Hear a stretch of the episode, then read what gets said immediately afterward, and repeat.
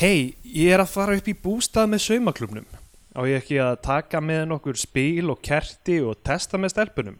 Það er svo gott að vera búin að prófa sjálfur. Jú, Ég tek svo bara geggjaða myndir og setja á netið. það væri frábært. Sif, þú kemur auðvitað bara með okkur og hittir stelpunar. Verður með hugleiðslu og svona, spáir fyrir þeim. Ætla ekki að spyrja þær fyrst. Ég á þennan bústað. Þetta verður geggjað. Í Bíó 10 dagsins tökum við fyrir kvikmynd Göggu Jónsdóttur frá 2021 Saumaklúburinn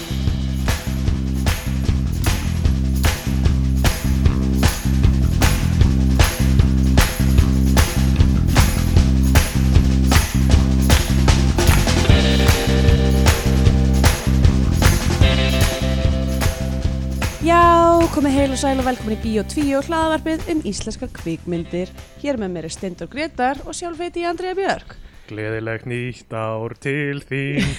Gleðilegt nýtt ár til þín. heyrðu, nei, við, Gleðilegt þetta er, nýtt ár, Bíó 2 Nation Gleðilegt nýtt ár til þín já, einmitt, flott.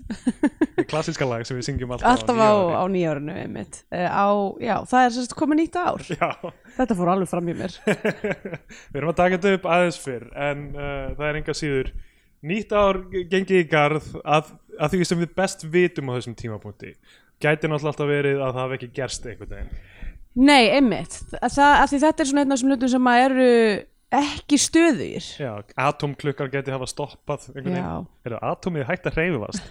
Herðu, það verður bara, já, það er bara, er komið í óefni, eða ekki. Já, eða kannski, betra kannski nákvæmlega, kannski ef við sleppum því að vera að mæla tíman alltaf svona obsessíft eins og við gerum, Já, já, kannski munið það bara vera mjög frelsandi. einmitt Þú veist, ef við værum bara, ef að lífið manns væri bara eitt ár, bara eitt langt ár. Já, sko, ég held að mestu mistök margins hafi verið að byrja að mæla tíman svona vel, sko. Af því að þetta var alltaf eitthvað, þetta mun taka mig uh, eina göngu milli tveggja bæja, eða eitthvað þannig. Já, Þú veist, einmitt. það, það, þetta mun taka mig tvo þvotta að gera þetta, eitthvað svona, þú veist, þú veist bara si- sirkað með á aðra hluti. Já, já. Og svo er það ekki fyrir en ég var að lesa bók um þetta, Bullshit Jobs, mm. svona skýtsamil bók, allt í lagi. En, Ok. þú veist, en áhugaverða pælingar af köflum, en þú veist að, að tími, þú veist, til dæmis þegar maður vinnur eitthvað í vinnu, maður er ráðinn Mhm. til vinnu, þú veist að vera hér átta tíma á dag. Þetta byrjaði bara fyrir svona 200 árum. Já, já, einmitt. Þetta er Fyrir líka, það var það bara þú dráðin hérna í eitthvað verkefni og stundum með það eitthvað einu suma daga er það tímafrækt og að- að aðra daga þarf ekki að gera neitt sko. og þú getur bara eitthvað chillað á milli. það er geggjum pæling, sko. Uh, en það er, er sko, já, um, ég einmitt hef ekki nefnt þessu batteríi nei, uh, í þólökun tíma og ég, svona, veist, ég var ekki búin að, ég var búin að vera frílansa í nokkur ár og eitthvað svona, ah, ég verð nú að, þú veist, eitthvað aðeins vera í, eh, prófa að vera í vinnu 95 já, já. og ég bara gata ekki. Mér fannst það bara óbærileg tilhugsun að vera föst á einum staði átt tíma um, og líka þú veist kom ekkert eitthvað miklu meiri þú veist að maður er samt bara eitthvað að gera fuck all sko Já, ég meina þetta, þetta hefur alveg reiknað út hvað fólk gerir miklu minna í, þú veist, þess, þú veist, eitthvað hversu stór hluti, alltaf office space tekur þetta fyrir já já eitthvað, nákvæmlega eitthvað að byrja daginn á því að sóna út og síðan já já þú veist, ef þú, ef þú ert ekki bara veist, að afgreða á kassa eða þú veist, eitthvað sem þú veist, þú veist actually stanslausta, þú veist, ber út post eða eitthvað þannig, mm. -hmm. eitthvað alvöru hluti hjúgra fólki eitthvað svona. Ef þú ert eitthvað sitað sem fyrir á tölvu þá fer stór hluti dagsins bara í eitthvað ekkert sko. já tengi Já. tengi. Herðu allavega nýtt ár nýtt ár og við ætlum að hætta þessu. Við ætlum að, Já, hætta, við ætlum að núna- hæ- segja stopp á nýja ári Já. við einhverju tímasóun. Þetta er okkar tími, þetta er okkar líf við ætlum að lifa því, hverju er með mér? Förum í stjórnaráðið og berum þau út og stoppum allar klukkurnar.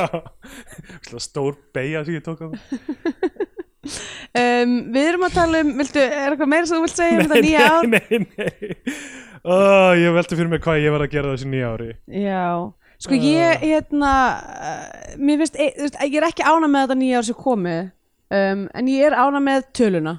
Já. mér finnst hún fallegri. Það er rétt, þetta er uh, sami tölustafinu þrísvar með svona smá pásu inn á milli. Já, einmitt. Það er bara eitthvað við, sko, ég vil að ég bara treyst ekki prímtölum er eiginlega mitt dæmi. Já, mér finnst það óþægilegar. Já. Um, Þannig að Þetta var prímtala sem 2021 Sko 21 Nei, ég, 21 er ekki prímtala nei það er rétt. Um, Möguleg, kannski er þetta ekki prímtala En ég reyndi Þú sko treystir ekki neinu heldur sem lítur út þessu prímtala Nei, einmitt. Eða svona bara ottatölur almennt sko. Það eru suspect sko. um, En já Þannig að ég er allavega Þetta er allavega eitt sem við getum glaðst yfir.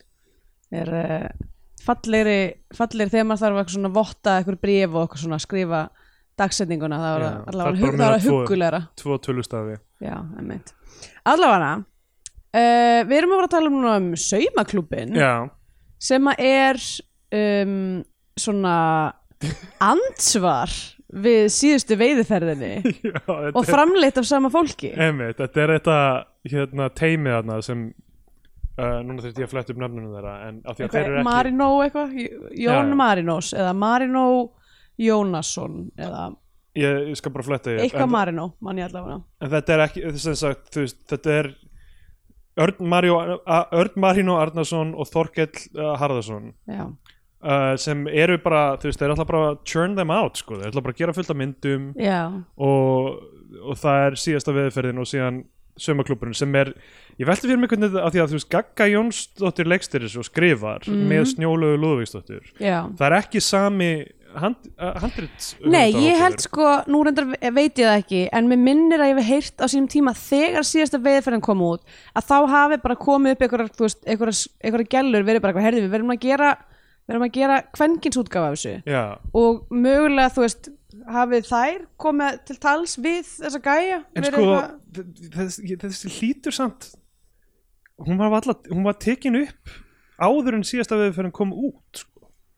Er það? Já, af því að síðasta veðferðin kom út í fyrra líka, sem 2021 Já, held ég. Og þessi var tekin upp held ég örgla sömurinn 2020 hlýtur að vera. Af því að hún kom út fyrra, fyrra á þessu árið 2021 sem sagt.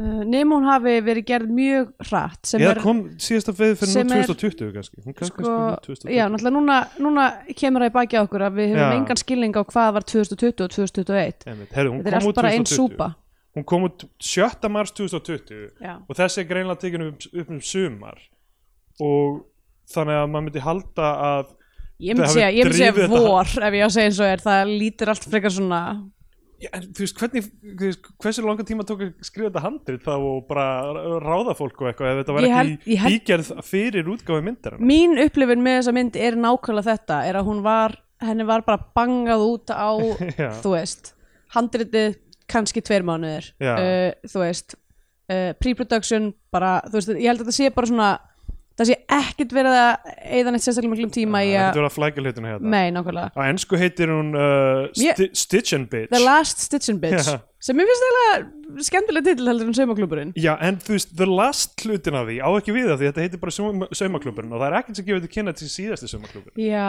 en svo sem má alveg segja það sama með síðustu veðiferðina Já, var, var ekkert í henni það sem er bara eitthvað þetta er síðasti, síðasta skipti sem við gerum það?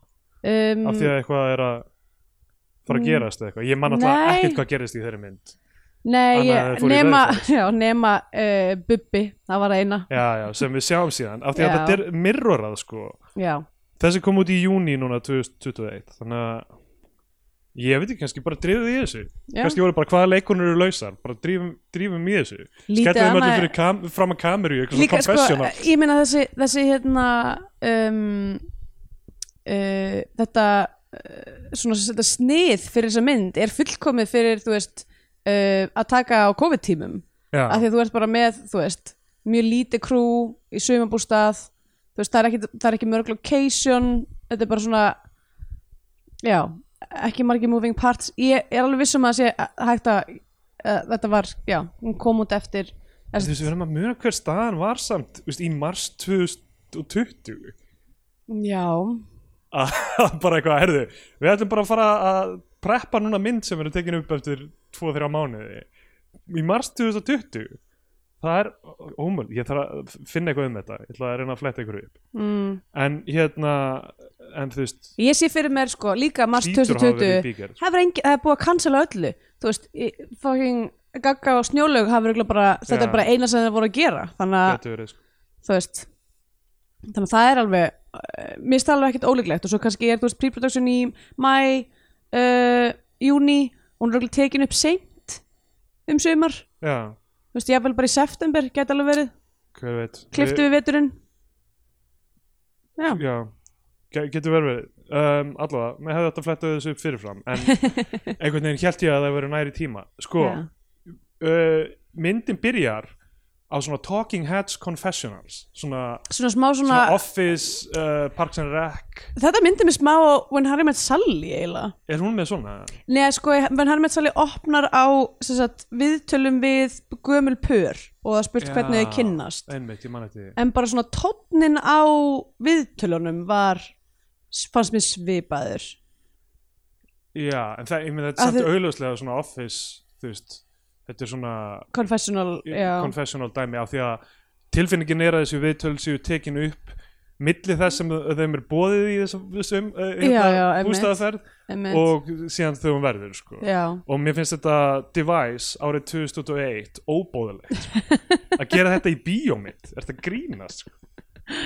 Ég veit ekki ég, Sjónva, í sjónvastætti kannski Já, ég veit ekki, það ángraði mig ekkert eitthvað mega mikið uh, en ég var, ég var samt að, að mjög ofta að spurja sjálf mig bara þetta er alltaf að fara að vera í gegnum alla myndina já, já. síðan bara, þú veist, eitthvað gerist og það er kannski eitthvað svona moment svo bara kliftu við í þetta og bara Já. tekum hann út úr hérna, Já. framleitur einmitt, já, bíómyndir sem eru með þetta um, er ekki What We Do in the Shadows myndin með þetta eins og þættirnir nú hef ég ekki séð hana en, Ah. um, um, en, en já ég, ég hugsaði bara um Harry Met Sally eiginlega já, en þó- það, þó þetta að er samt allt annað device. Já, já, einmitt, en þar, þar er það líka notað sem bara bookmarks, sem hérna bookends, þess það er í byrjun og endanum Einmitt. já, ég er að spá hvort hvort þetta sé þetta er náttúrulega í skoðlum hérna Christopher Guest myndunum í Mhm. hérna Best in Show og allir þessu dóti það, þú veist og það er náttúrulega rosalega mikið af bröndurum í þessu dæmi og oft eru tveir saman og eitthvað svona riffa hver að öðrum sko. það er allt spunnið sko. Já, eitthvað að tala um eitthvað ég er með tvo vinstri fætur og eitthvað svona í einhverju myndinni Já, um, ég veit ekki, ég, ég, Ég að ég, sé- mér fannst þetta pínu ég á svona eitthvað, um, ok um, það passar allavega inn í sko þá kenningu að þetta hafi verið bara drifið í þessu handriði sko. ég, er þetta, ég er alveg viss um það líka bara þetta í tekur burt allar þú veist, pípulagningar um hvernig plottið á að virka og hvernig karakterarnir eru kynntir og eitthvað svona mm, og bara leysir það með þessu device í rauninni sko. Já, að það kemur bara texti bara hérna Ella, eitthvað ég hérna já, ég er búin að vera hérna og gera þetta og ég er bara spennt fyrir að fara í þetta og, mm, og hvernig það er Einmitt. alltaf sko. uh, myndi byrjar á því að það eru kynnta til leiks og svo kemur sko Jóhanna Vigdís er svona, virðist vera aðal drifkraftur hún segir það líka beint út bara eitthvað, ég er aðal drifkrafturinn í þessu já, bara ég stopnaði hann saumaklúb Já. ef, að- ef það væri ekki fyrir mig þá væri þetta bara ekki neitt eitthvað. Einmitt. og uh, hérna sko kvikmyndasjóður uh, úthlutaði uh, síðast á saumaklúbnum eins og myndin hétt þá styrk annan júni 2020 mm, uh, þannig að mögulega já, mögulega drifið í þessu út af átaksverkefninu sem var í gangi sagt uh, umsóknarfrestunum lauk 10. mæði 2020 mm, þannig að kannski kemur myndinu út mm og, og Já, ég bara, man eftir, mér finnst ég bara að mér fannst ég að sko séð bara einhver, reynilega bara einhver tweet um þetta, bara eitthvað svona, þú veist. Uh, eitthvað, mér finnst bara uh, klart mála að henda í, í þú veist, kvenkins útgáfu af þessu eitthvað. Já, Gaga Jónsdóttir var stödd á tímamótum. Já, handrið skrifuð þær í mars í miðjum heimsfaraldri en tökur hófist í júni fuck, þetta er svona bara Hollywood turnaround einhvern veginn á er svona old Hollywood það sem Mm. bara eitthvað we need a new picture. Like, see, what do you got? get your best screenwriters uh, together in a room and bang one out. We got Bogey and Bacall lined up for this one. Já, um, uh, já, þannig að Jónas Vigdís er sem svona aðalpersona hún er uh, stopnandi saumaklubsins hún er að setja fyrirtæki sitt á hausinn uh, það kemur eiginlega aldrei into play eitthvað það sem kemur eftir myndina. Er, og við sjáum hún er svona með einhverja heildsölu hún er að selja sko eitthvað svona, svona drast sem er sem er húsgagna eitthvað, kerti og svona svolítið eins og hérna það eru er nokkur svona búðir. Ég man þegar ég var að vinna í vídeoheimum í fákfeini þá, þá voru við hliðin á búð sem heitir Unica já, eða Unica eða eitthvað líka. Um, og þar var bara svona eitthvað þú veist, gett mikið af einhverjum hjútsess kertum og þú veist, gardínur og svona svona svona, svona fótastólar hvað eða svona, þú veist, svona svona, svona, svona pullur og eitthvað já, já. og svo bara einhver svona svo gæti maður kefti einhver svona englavengi fyrir börn, þú veist þetta var bara svona eitthvað ok, einhver er á heimasíðu heildsala og er bara going ham. Já, er bara að kaupa eitthvað, ú þetta er flott, ég að kaupa þetta. Eitthvað, þú veist, það, það, þetta held engum þræði hvað var í þessari búð sko, nei. það, það, þú veist, tilfengið sem maður fær þarna fyrir þessari búið er mitt, þú veist, þetta er bara alls konar hlutir. Hún er með einhver kerti og spil og þetta er bara svona lífstíls hún er að tala um að einhver confessional þú veist, svona að færa sig meir inn í svona wellness og eitthvað svona dót, Já, sko. mér fannst það mjög hérna, ég var, þú veist, ég var eitthvað þetta getur ekki, veist, þessi saumaklubsmynd verður ekki góður nema að segja minnst kosti eitt MLM í þessu. Já, já, um, einmitt. Uh, sko, við finnum svona einmitt af því að maður setur þetta í samhengi er, þú veist, hvað eru þessar stereotýpur af kallmönnum og konum sem hefur verið að minna með í þessum myndum Mm. sérstaklega? Og hérna well, ég var í þessari mynd. Mjög, mjög það- ákveðin karakter sem er gælan sem er búin að búa í útlöndum Já, og er alltaf að tala um útlönd. Ítalska hérna, Elma Lisa um, en er mjög léleg í tungumálunni í landinu sem voru búa, búa í mörg mörg ár. Það er rétt því, Eh. þú, já, þú ert samt ekki að setja því nokkuð tíman á, á þann sess að þú kunnir þýskur einbrennandi Nei, alls ekki. Um, kannski þeir eru að tala um afa. Sko, og eins og hinn myndin þá, þá er sem sagt hún er sem sagt, Jóna Vigdís er með þessa búð E- Edda Björg Eyjósdóttir mætir ég ætla bara að kalla þær leikonunöfnum af því ég man ekki hvað mitt nákvæmlega. Uh, þær heita allar eitthvað Ella og 80s 80s og allavega. Uh, og uh, Edda Björg mætir og það er eitthvað svona pappi Jónu Vigdísar er þetta já, hann og er eitthvað svona er eitthvað svona awkward moment á milli þeirra sem hann er eitthvað svona gamli perrin hana Já, hún er eitthvað svona, hún er eitthvað svona maður sér á andlinu á henni, hún er eitthvað svona andlega undirbýð sig fyrir að segja hæ við hann, er eitthvað svona "Ugh, ok, þannig er hann. Og segir Já. eitthvað hæ. Og hann er eitthvað, þú ert nú allt held, þú heldur þið svo afsalega vel og er eitthvað svona bara eins og, eins og það verið ekki elst eitthvað og uh, svo er Helga Braga hana og hún sko er ekki hluti á semaklubnum en hún er svona einhver svona yoga wellness Já. típa sem er að selja kerti sem er píkulikt af. Já. mjög, mjög, þú veist bara nokkrum mánuðum áður, þetta, þetta hraða turnaround náttúrulega á myndinni, er að nokkrum mánuðum áður þá eh, er þetta Gwyneth Paltrow píkulikt kertið, Já, það er frá Goop einmitt, eh, já. Um, sem, þú veist, þannig að þú getur komið svona current brandar inn, svona einmitt, og það er líka sko eiginlega búið að vera síðustu, já, ég, ég er allavega búin að detta inn á eitthvað svona tvær, þrjár típur á Instagram, íslenskar típur sem er eitthvað svona að leiða eitthvað svona náttúru, Já, eitthvað já. svona freebleeding í eitthvað tjötn og eitthvað þú veist, eitthvað svo leiðist dæmi. Þannig að þetta er alveg já, þetta er mjög current uh, commentary. Já, þetta er það. Um, Ég sko Já, ég veit ekki með Hvar er verið að sorsa þessa píkusafa? Er það sem ég vil vita? Ég fekk ekki það tilfæður að það væri beint úr Helgu bröðu þarna. Já, ég, ég hérna það, Já, sko, í myndinni, já, það var augljóst að í myndinni var það, en ég er bara að tala um eins og þú veist Þeir eru með heilt lið bara með Gwyneth Paltrow bara í Hún Ég, seg, þú veist, ég meina, er, er, er Gwyneth Paltrow píkukertið með safa úr alvöru píkum? Er það sem ég vil vita? Nei, fjandi það er ekki eitthvað svona Jelly Belly píku saman það, þú veist, af því þá spyrir mér sig þú veist, ok, ég meina ok, þetta er, þú veist, já uh, þetta er þá dýravara á einhvern hátt en vegan Já. samt vendanlega því að maður hlýtur að gefa, gefa samþyggi Já, já, er það en þú veist, hvernig er Ef verið að dýr mjólka píkusafa úr fólki Þú þarf bara teimi af flöffurum bara til að En hérna, sko, Er, ég veit að það, það er starf sem ég geti kannski gert nýtt fyrir, ég veit það ekki. Er að flöffa Gwyneth Paltrow. Uh, Sko gleðilegt nýtt ár!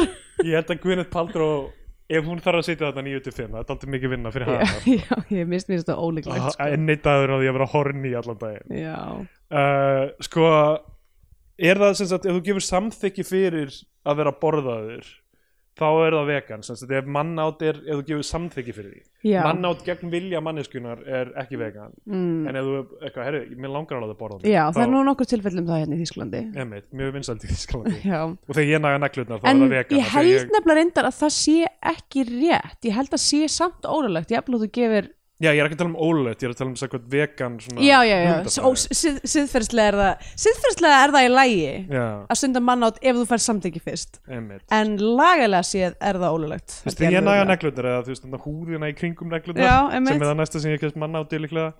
Þú veist, ég er að gefa samþykki fyrir því sem heilin sem stjórnar líkamannum en það hlýtur að vera eitthvað svona frumu vitund þú veist, Í, frumurnar sem eru dýrafrumur sem ég er að borða e- hafa ekki gefið samþykki eru bara eitthvað ósýr, ósýr, ósýr Já, Þannig er það að vera að melda okkur í ég held líkamannum sem bjóð okkur til ég held að ég, nú veit ég ekki hvers þú veist, ég held að samþykki nái ekki niður á frumur level. Nei, efast ég.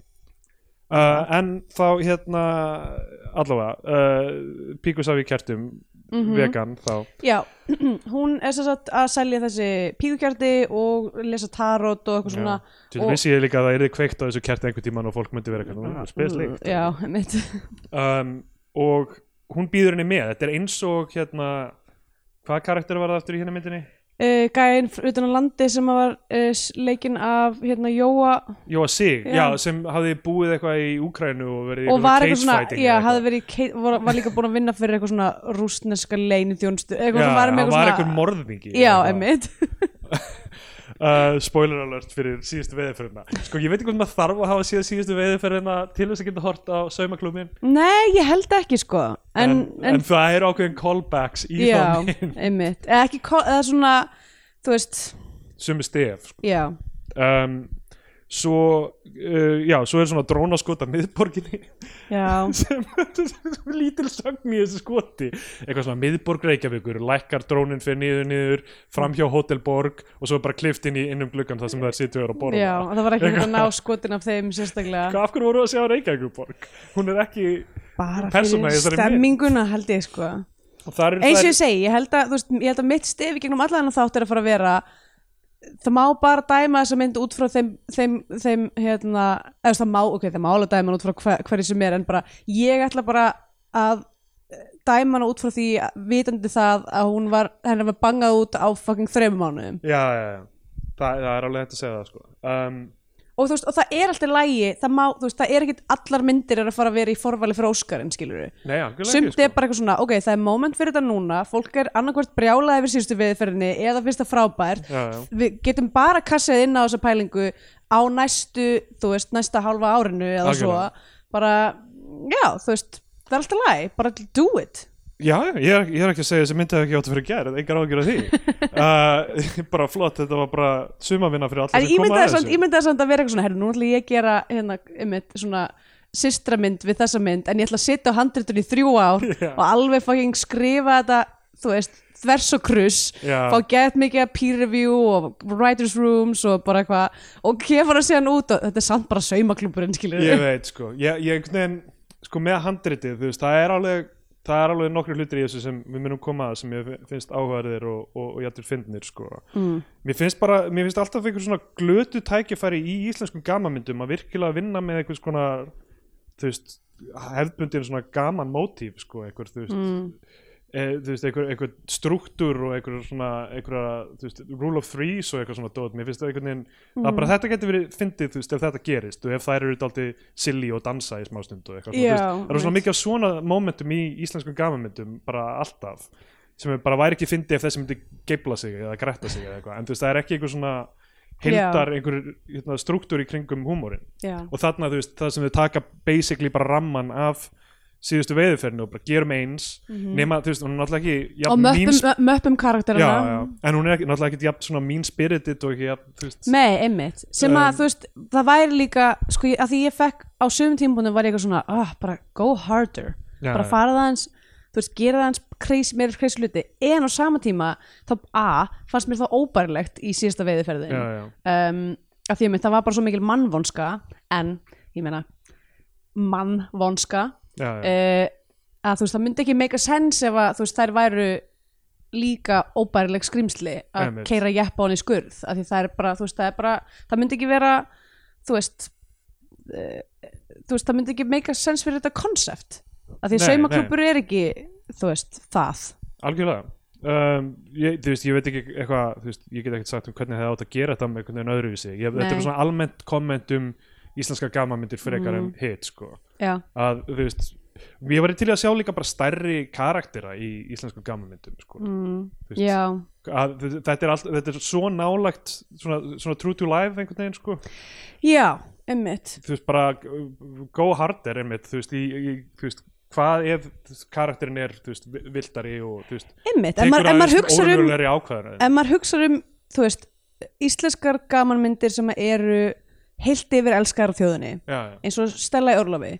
Einmitt. þú veist þessi sænski karakter er alveg bonkars, Já. hann er styrlaður sko.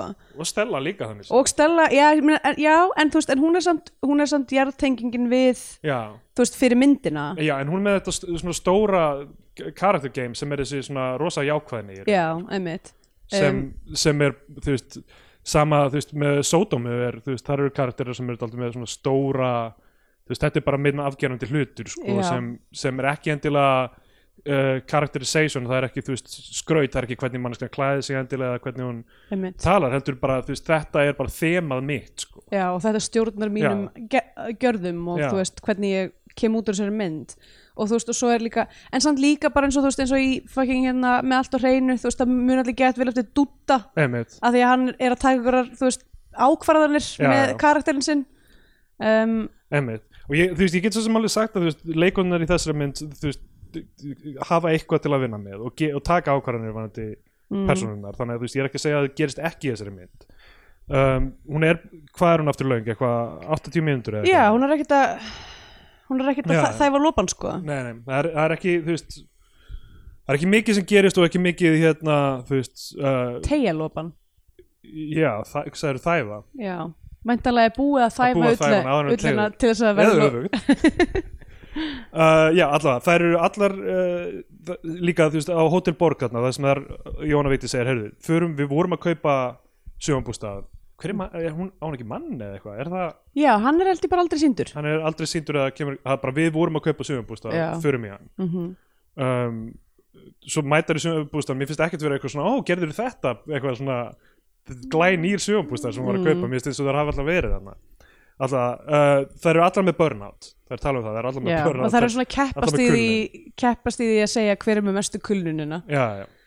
Uh, Ardís Egilstóttir leikur þarna leikskólastýru. Mm hún er sko hún er í einu hérna, viðtalun að tala um sko það er þessi bómulla kynslu sem veist, er núna sko. það má aldrei segja neitt og má aldrei gera neitt og eitthvað svona mm. og ég er ekkert vissum að það, þú- mér finnst það, ok, hún er að fara að vera svona harðari, hún er að fara að vera, ei, hætti að tala um tilfinningar hætti þessu kjaftaði, já svo veit ég ekki endilega hvort það sé það sem karakterinn að gerir Nei, ég nefnilega, mér finnst sko eins og hennar karakter, hún er meira svona bara eitthvað, hún er, eh, það er svona stef í hennar viðtölum er að hún er búin að, hún er beslega bara eitthvað svona, æ, haltu kjafti. Já. Það veist, hún nennir ekki, hún nennir ekki lengur, hún er búin með öll fokkin sín. Hún Einmitt. getur ekki gefin enn foks lengur. Hún Af því að, af því að hún er búin að vera leikskóla stýra í fucking 14 ára eða eitthvað. hún er að fela sig þarna á leikskólanum að því hún ætlar að fara úr vinnunni snemma hún er svolítið leikskóla stýran Já, hún er eitthvað svona að fela sig undir, undir borði frá samstagsmanni eða eitthvað já, að hún ætlar að fara snemma og það er alveg svona dálítið fyndið set piece einhvern veginn sem manneskar sér hana, hún grípur síman svona á borðinu und- undir mm.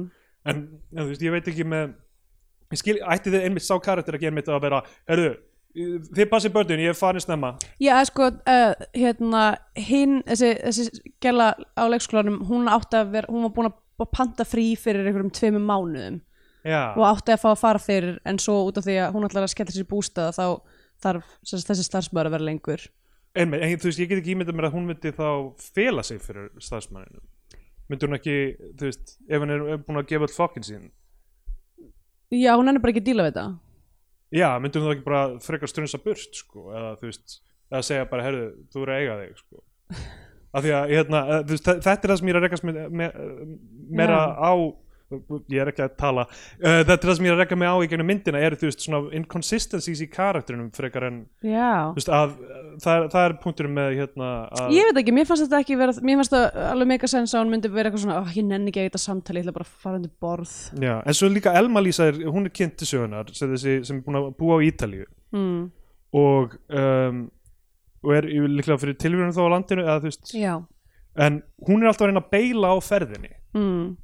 Það er byrjunni bara eins og hún vil ekki vera þar Já, og svo finnst mér það svona aldrei come into play þú veist, að hún sé eitthvað svona af hverju vill hún ekki Já, það- það er ekki sérstaklega mikið útskýrt af hverju hún vill það ekki en ég er bara að segja, allt sem er sett upp í byrjunni Mhm. og líka þessum viðtölum finnst mér síðan ekki vera það sem personunar eru eiginlega restina myndinni sko. Mér finnst það vera alveg á, á skjön sko. þannig að ég byrja, ok, hennar dæmir hún vill ekki, þú veist hún, hefur, hún vill losna undan þessum hóp eða veist, það er eitthvað sem Já en ég henni hún burt. heldur að fórum að reyna að fara í gegnum, þú veist, tvo þriðið myndinni já, en það verðist ekki tengt neinu sérstaklega Nei, öðru bara- sem hún gerir sko.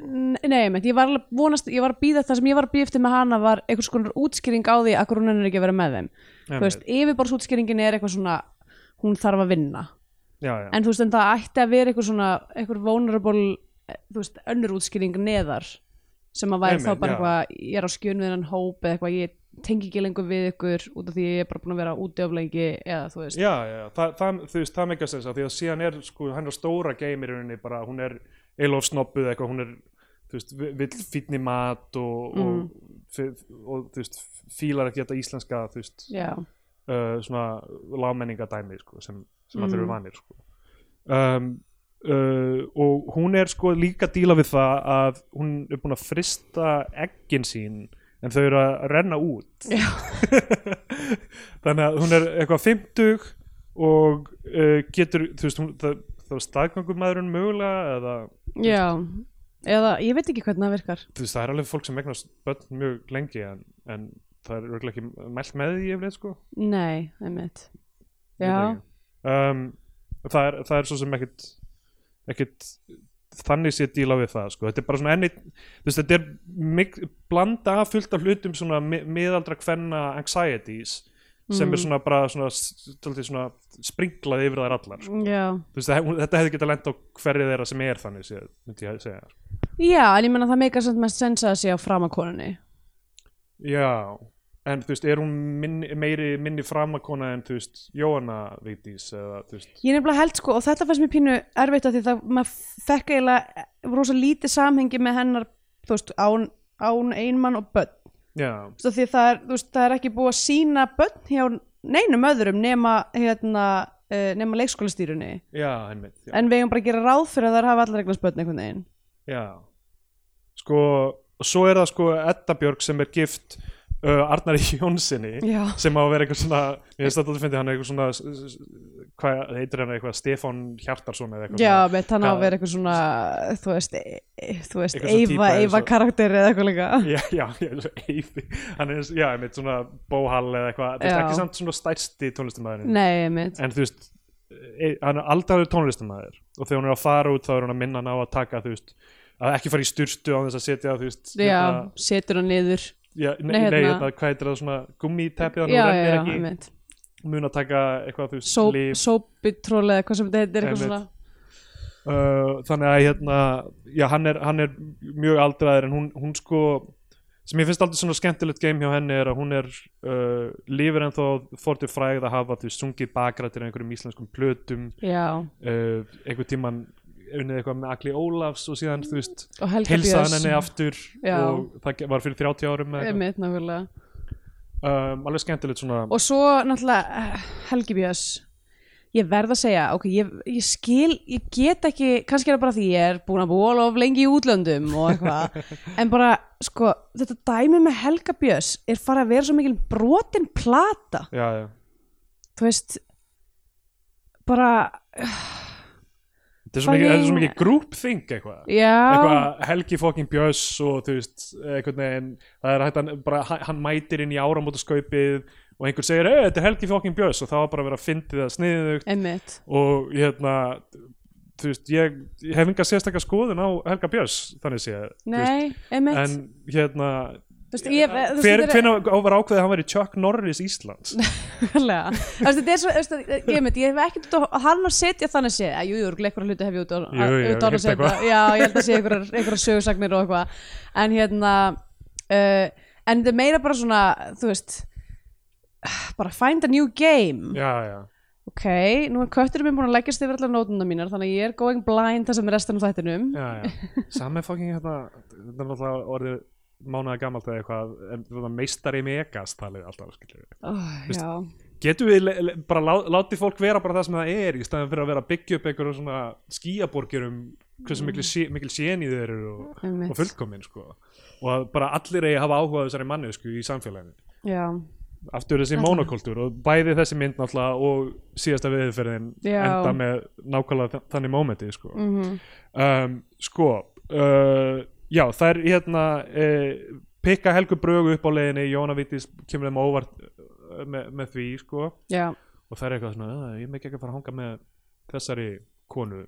Já, ég meina það er, þú veist það er vissulega mjög skrítin skrítin múf að blanda einhverju random mannesku inn í, í vinnaferð sem sko hún líka hennar karakter sem tekur þátt í öllu þessu Instagram auglýsingakjaftaði Jónu Vigdísar já, uh, en er samt, þú spila sig sem einhvern veginn, þú veist uh, í tengslum við allt saman og eitthvað já, já, en það er, veist, er- það er kommentarið á Já, en hún er samt eiginlega ekki með einu örk heldur. Það, hún, ég veit ekki hvernig hún kemur út úr þessu Nei, ætli hún sé ekki, þú veist, hugsuðu sem einhvers konar sage í þessu samhengi Já, já, en það, þú veist, mér finnst sko, það að hún sé fölska þessu leitið til einhvern veginn. Já, aldrei að vera að explora það, sko, með að við hvernig það er explorað hjá þessu Jónu Vigdís já, einmitt. Að þú veist, hún kemur ekki út úr þessu með, af því hún er líka vön því að þessu koma eftir uh, áskinnunarpakkin allur, sko, mm, að þú veist, það er líklega eitthvað sem hún er búin að gangi í gegnum og er ekki að gera í fyrst skipti. Já. þannig að þú veist, hún, hún er búin að þú veist, þetta er meina, þetta er dæmi með sko all, all þessar, þú veist, kakoseremoníur og þú veist, allt þetta dót sem er í gangi náttúrulega á Íslandi og vísvegar um heiminn það sem hvítt fólk er að, þú veist er að appropriata og, mm Mhm. gera, eitthvað- gera eitthvað svona dót, sko sem er, þú veist ég, mér finnst þetta að vera smá fólk er að láta fara, þetta fyrir taugarnar á sér og mér, mér finnst það að vera smá pyrrandi af því að þetta er fólk sem er að reyna allavega eitthvað að reyna að vinna í sér. Já, já, það sem er náttúrulega aðsnaðlega er þetta veist, ég ætla strax að byrja að monetæsa þetta. Ég ætla strax að byrja Já. að þetta vera mitt brand og helst fá borga fyrir þetta og ég ætla að byrja að, byrja að kenna öðru hvítu fólki hvernig að þú veist, gera alltaf þessa hluti og allt það. Það er það sem er, finnst mér ámælisvert. Já, að einhver sé eitthvað heima á sér og huglega allan daginn kostar ekki neitt og, og er bara Rétt. það besta sem þú getur gert fyrir bara jörðina og sjálfa þig og aðra í rauninni. Já, já Ég veit ekki, ég held þetta sko ég held þetta sé svona hérna þú veist, the road to hell is paved with good intentions eða Já, þú, já. ert, þú ert með eitthvað svona eitthvað sem hefur breytt þínu lífi Já, já. til langar að koma þér framfæri sem einstaklingur er raunverulega samfélagsmiðla vinna inn, e, þú veist, einfaldasta leiðin til þess að koma ykkur á framfæri algjörlega og þú veist, og svo bara ertu komin í eitthvað svona ah, ok, heyrðu, ég get ekki monetæsa þetta smávís og svo bara endur á því að vera eitthvað, heyrðu, ég er með píkukjarti já, já.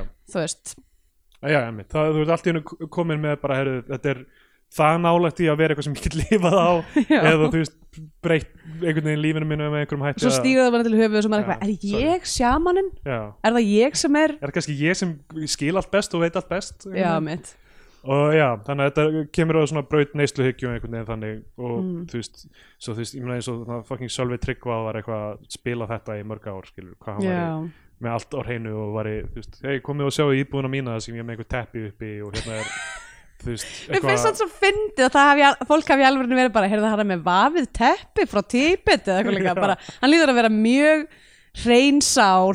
Svo er eitthvað, eitthvað dæmi með hann líka það sem eitthvað, hann var alltaf berfættur. Eitthvað, já, ég gengi ekki skóm lengur. Síðan þegar ég var að sína húsið, því þetta er herbyggja sem ég geim alltaf skóna mína. Og eitthvað svona 70 pör af einhverjum flottum Oh skóm.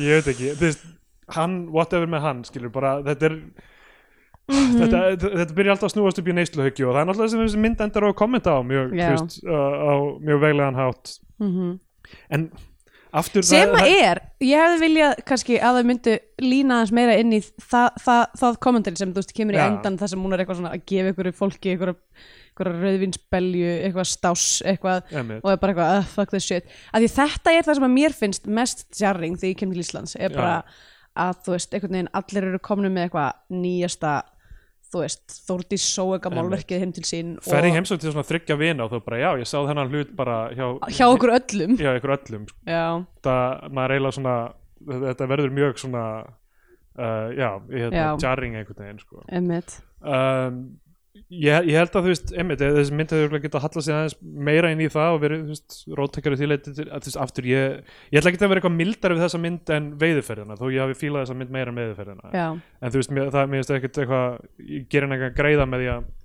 af því að þú veist, þegar við fjöldum um íslenska gafmyndir þá vil ég vel eitthvað kafa í bara af hverju var þetta gert svona já, bla, já, mitt. Sko, uh, ok, þannig er það komnar upp í uh, uh, sumabústað mm og með þarna vúlfakertið og eitthvað svona. Hann fá sér aperitivo, Elma Lísa er bara eitthvað, getur ekki borðið íslenska mozzarellan og, og, og veist, skiljanlega kannski. Já, og hérna, hérna uh, Serrano-skinkunni eða eitthvað svona, hún er eitthvað, þetta er ekki þetta er ekki gott. Mér finnst mjög fyndið að Helga Braga í þessari mynd borða kjöt elda lambakjöt og eitthvað svona. Einmitt. Ég myndi halda þetta að vera einmitt típan sem ætti að vera sem vegan myndi eða ekki vera að borða kjöt, já, en ég meina. Sá vingill er alveg ekkert, ekkert í þessari mynd að einhverju þeirra sé orðið vegan Nei, einmitt, þær eru bara ripe for parody. bara, bara allt hérna, það er bara að hambúrgara og lambakjöt það einu maturinn sem er borðað er kjöt sko. þær borða, já, skingu og svo hambúrgara og svo lambakótilettur mjög fyndið. Uh, kannski er það bara eitthvað svona fólk er eitthvað, að ég nenni ekki að fara í vegangrínið því það er Já, já. Það er old sko. Já, en þá er einmitt, þú veist, hægt að snúa því á haus og gera grína kjötátinu sko. en uh, allavega. Uh, sko Jóna Vigdís er alltaf að gera þessu auglýsingamindbönd líka upp í bústæðinu bara hérna ég með þetta og eitthvað svona.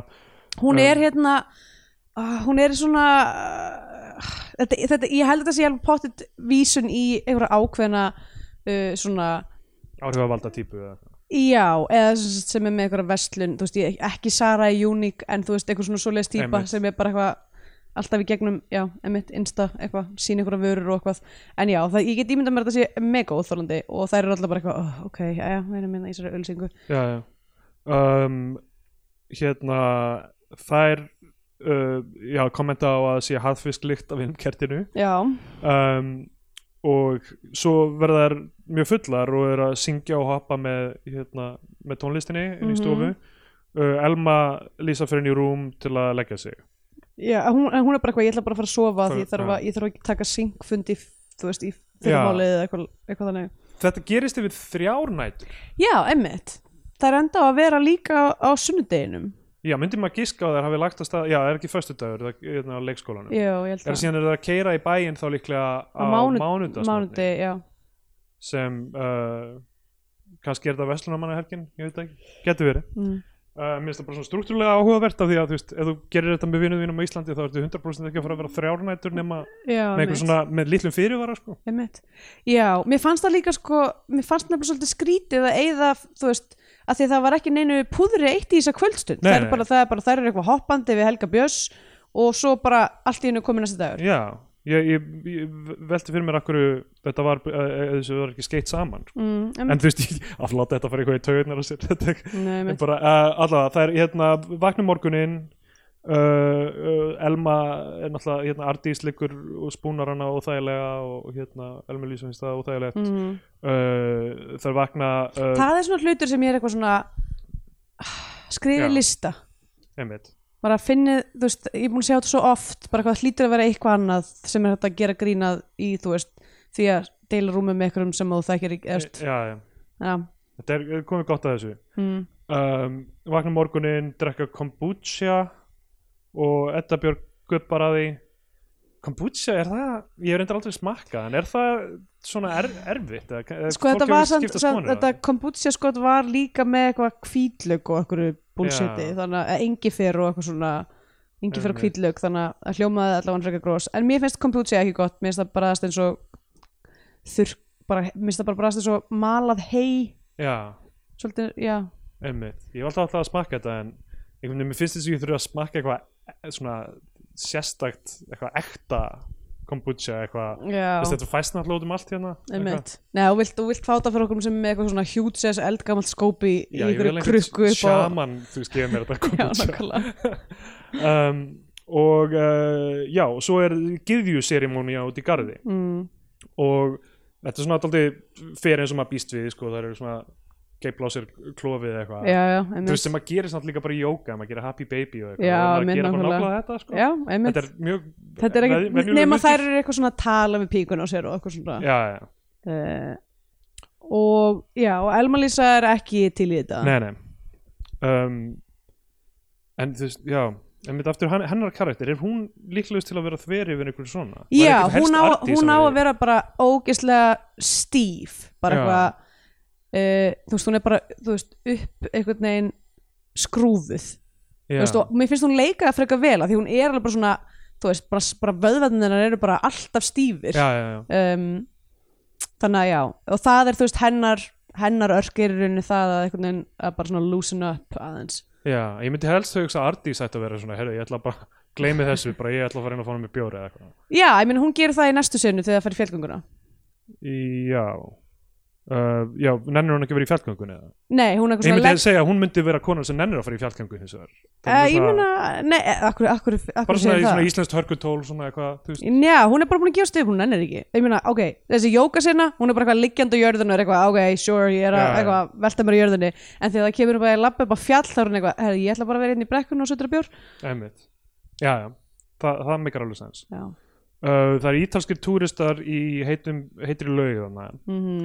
Uh, mm og uh, þarna kemur í ljós sem sagt að Elma Lísa talar ekki ítölsku já, og uh, verður mjög vandræðlega fyrir það Mhm. um, ég meina, ég ætla þessi ekki hægt að vera í 20 og eitthvað ári í Mílan og ekki læra ítölsku en, en hún ekki, vinnur hún ekki í eitthvað svona tískubransanum? eða? jú, en ég meina, ég ég vinn ég vinn aðalega fyrir þýsk fyrirtæki og ég er ekki að gera það á þýsku Það er rétt sko, ég er bara einhvern veginn, já, erfitt með að, þetta, ég meina að þetta get, getur gerst kannski en ég held að Ítalía sé dálítið mikið að keira á, á ítölskunni sérstaklega tískubransin Já, ég held samt að Mílan á sé mjög ólík restin af Ítalíu. Já, getur verið. En, Já, ég reyndar, ég veitna, þú veist, flestir Ítalir bara, Ítalir bara mjög færir í ansku þannig Já, einmitt. Uh, þannig að hún uh, verður uh, setið skammar með þessu og get ekki talað við ítalina. Mhm. uh, og svo þegar hún komin aftur upp í bústað þá er hún að skæpa við yfirmenn sína og þeir reka hana bara í gennum skæp Já, til þess að ráða einhverja yngri, já, einhverja Francescu sem er já, yngri. sem er yngri stílisti. Og hún byrjar að hella í sig og, og hérna, verður með drykkin þetta kvöld. Mm. Helga Braga er að, er að, hins vegar að fela drykkjuna. Hún er, þú veist, Já, hún segist ekki drekka. Já, aldrei meir en eina einingu og síðan er verið að sína hana að, drekka uh, og þarna í allir þessu fyllar í þá kemur þetta upp sem sagt að pappi Jóni Vögdísar hafi verið með þeim í útskriftaferðinu úr MS, það voru allir saman í MS mm. og þar hafi hann og Edda Björg sofið saman fjóru sinnum eða fimm sinn einmitt. í útskriftaferðinu Já, sem sagt uh, hérna uh, Elma Lísa í staðin fyrir að díla við sitt mál þá er hún eitthvað svona, nú ætla ég bara ég ætla bara að implóta þessa grúppu já, já, ég ætla að rústa öllu um, að því að, að því að ég held að karakterin hennar hérna, hennar Eddu á að vera svona smá lím. Hún er þú veist jákvæði hressi karakterinn já, já, sem að þú veist er samt að reyna að halda allum, veist, uh, hún er svona trúðurinn í hópnum eiginlega. En hún er samt skilur hún er samt líka bókaldari hérna hennar já einmitt, hún er bókaldar þannig að hún já. veit þú veist að fyrirtæki er að fara í þrótt og þú veist og er samt bara eitthvað já ég ætla bara þú veist, er, hún, er, hún, er bara svona, hún á að vera þessi mannskjá þegar það, þegar það er búið að tappa þá mannskjú út ég er bara að segja þú veist í dýnamík hvenna já, þegar að sú mannskja er komin úr myndinni þá er bara þú veist uh, hérna hérna fjandinn laus. Það megar sens. Um, Um, og hérna þetta er svo fókt af hlutur sko. Mér finnst aldrei, mér finnst hann aldrei alveg að fá sko, það er aldrei eitthvað svona herðu, við þurfum að þessi pa- pabbi þinn er veist, alveg skrimsli sko. Já, ég meina samt þetta eins og, eins og það talaði um þetta þá, þú veist, þá var þetta alveg, þú veist, hún segir bara eitthvað, æ, hann var svo ókslega sætur á þessum tíma. Já, og þú veist, en þú veist, við erum að tala um sko þú veist, í nútidag sko, í, í umræðu nútímans mm, þá er þetta alveg, þú veist já, ekki lægi. já, já, og alveg bara eitthvað sem ég meina, ég, ég meina fólk, þakka niður alls konar kjaftaði á Íslandi sko. Já, já. Uh, og, en bara, þú veist, hvernig það er tala um þetta þú veist, ég hefði kannski vilja heyra sko, að þetta snýst um, þú veist, að hún hafi einhvern veginn svikið Jóhannu Vigdísi með þessu. Mm, þú veist, að það sé eitthvað, hún svaf hjá pappa hennar og það sé ekki the right thing to do. Mm, þegar, þú veist, við vitum að hún var, veist kannski 18 ári í mesta lagi eða eitthvað. Já, mögulega 17 eða eitthvað þegar þetta Mm. gerðist. Og, og það sé bara herðu, finnst ræðilegt að pappi minn hafi misnotað valdajátvæði og já það er samt búið náttúrulega líka að stabilisera það að hún hefur þeng fyrir eldri mönnum og þetta, Já, er, já. þú, þetta er, þetta er eitthvað, eitthvað mun, það, sko. munstur fyrir hana sko. þannig að algjörlega sko um, en þú veist, ég held- að bara svona á, þessum tíma, þú veist, þetta er skrifað þú veist, 2020 Mm. vorið að kannski væri gott að allavega fá þá rödd inn í þetta að sé, þú veist hann, heyrðu, hann á alla sög á þessu sko. þetta er ekki að fara veist, snúast um, þetta er gaman minn líka, þetta er ekki, þú veist þetta er ekki að explora þetta eitthvað lengra en þetta Nei, ég held að það sé örugglega ástæðan fyrir að það er ekki farið yfir eitthvað svona, heyrðu, ok, bæðið að pappiðin er eitthvað ógeð, út af því að það er bara fyrir þessa grínmynd, það hefur verið mjög svona Já, en hugmyndin er samt allir sem, allir sem hugsa um þessa hluti eitthvað fá, hljóta að fá þetta upp í kollin þegar þau horfa á þetta, right?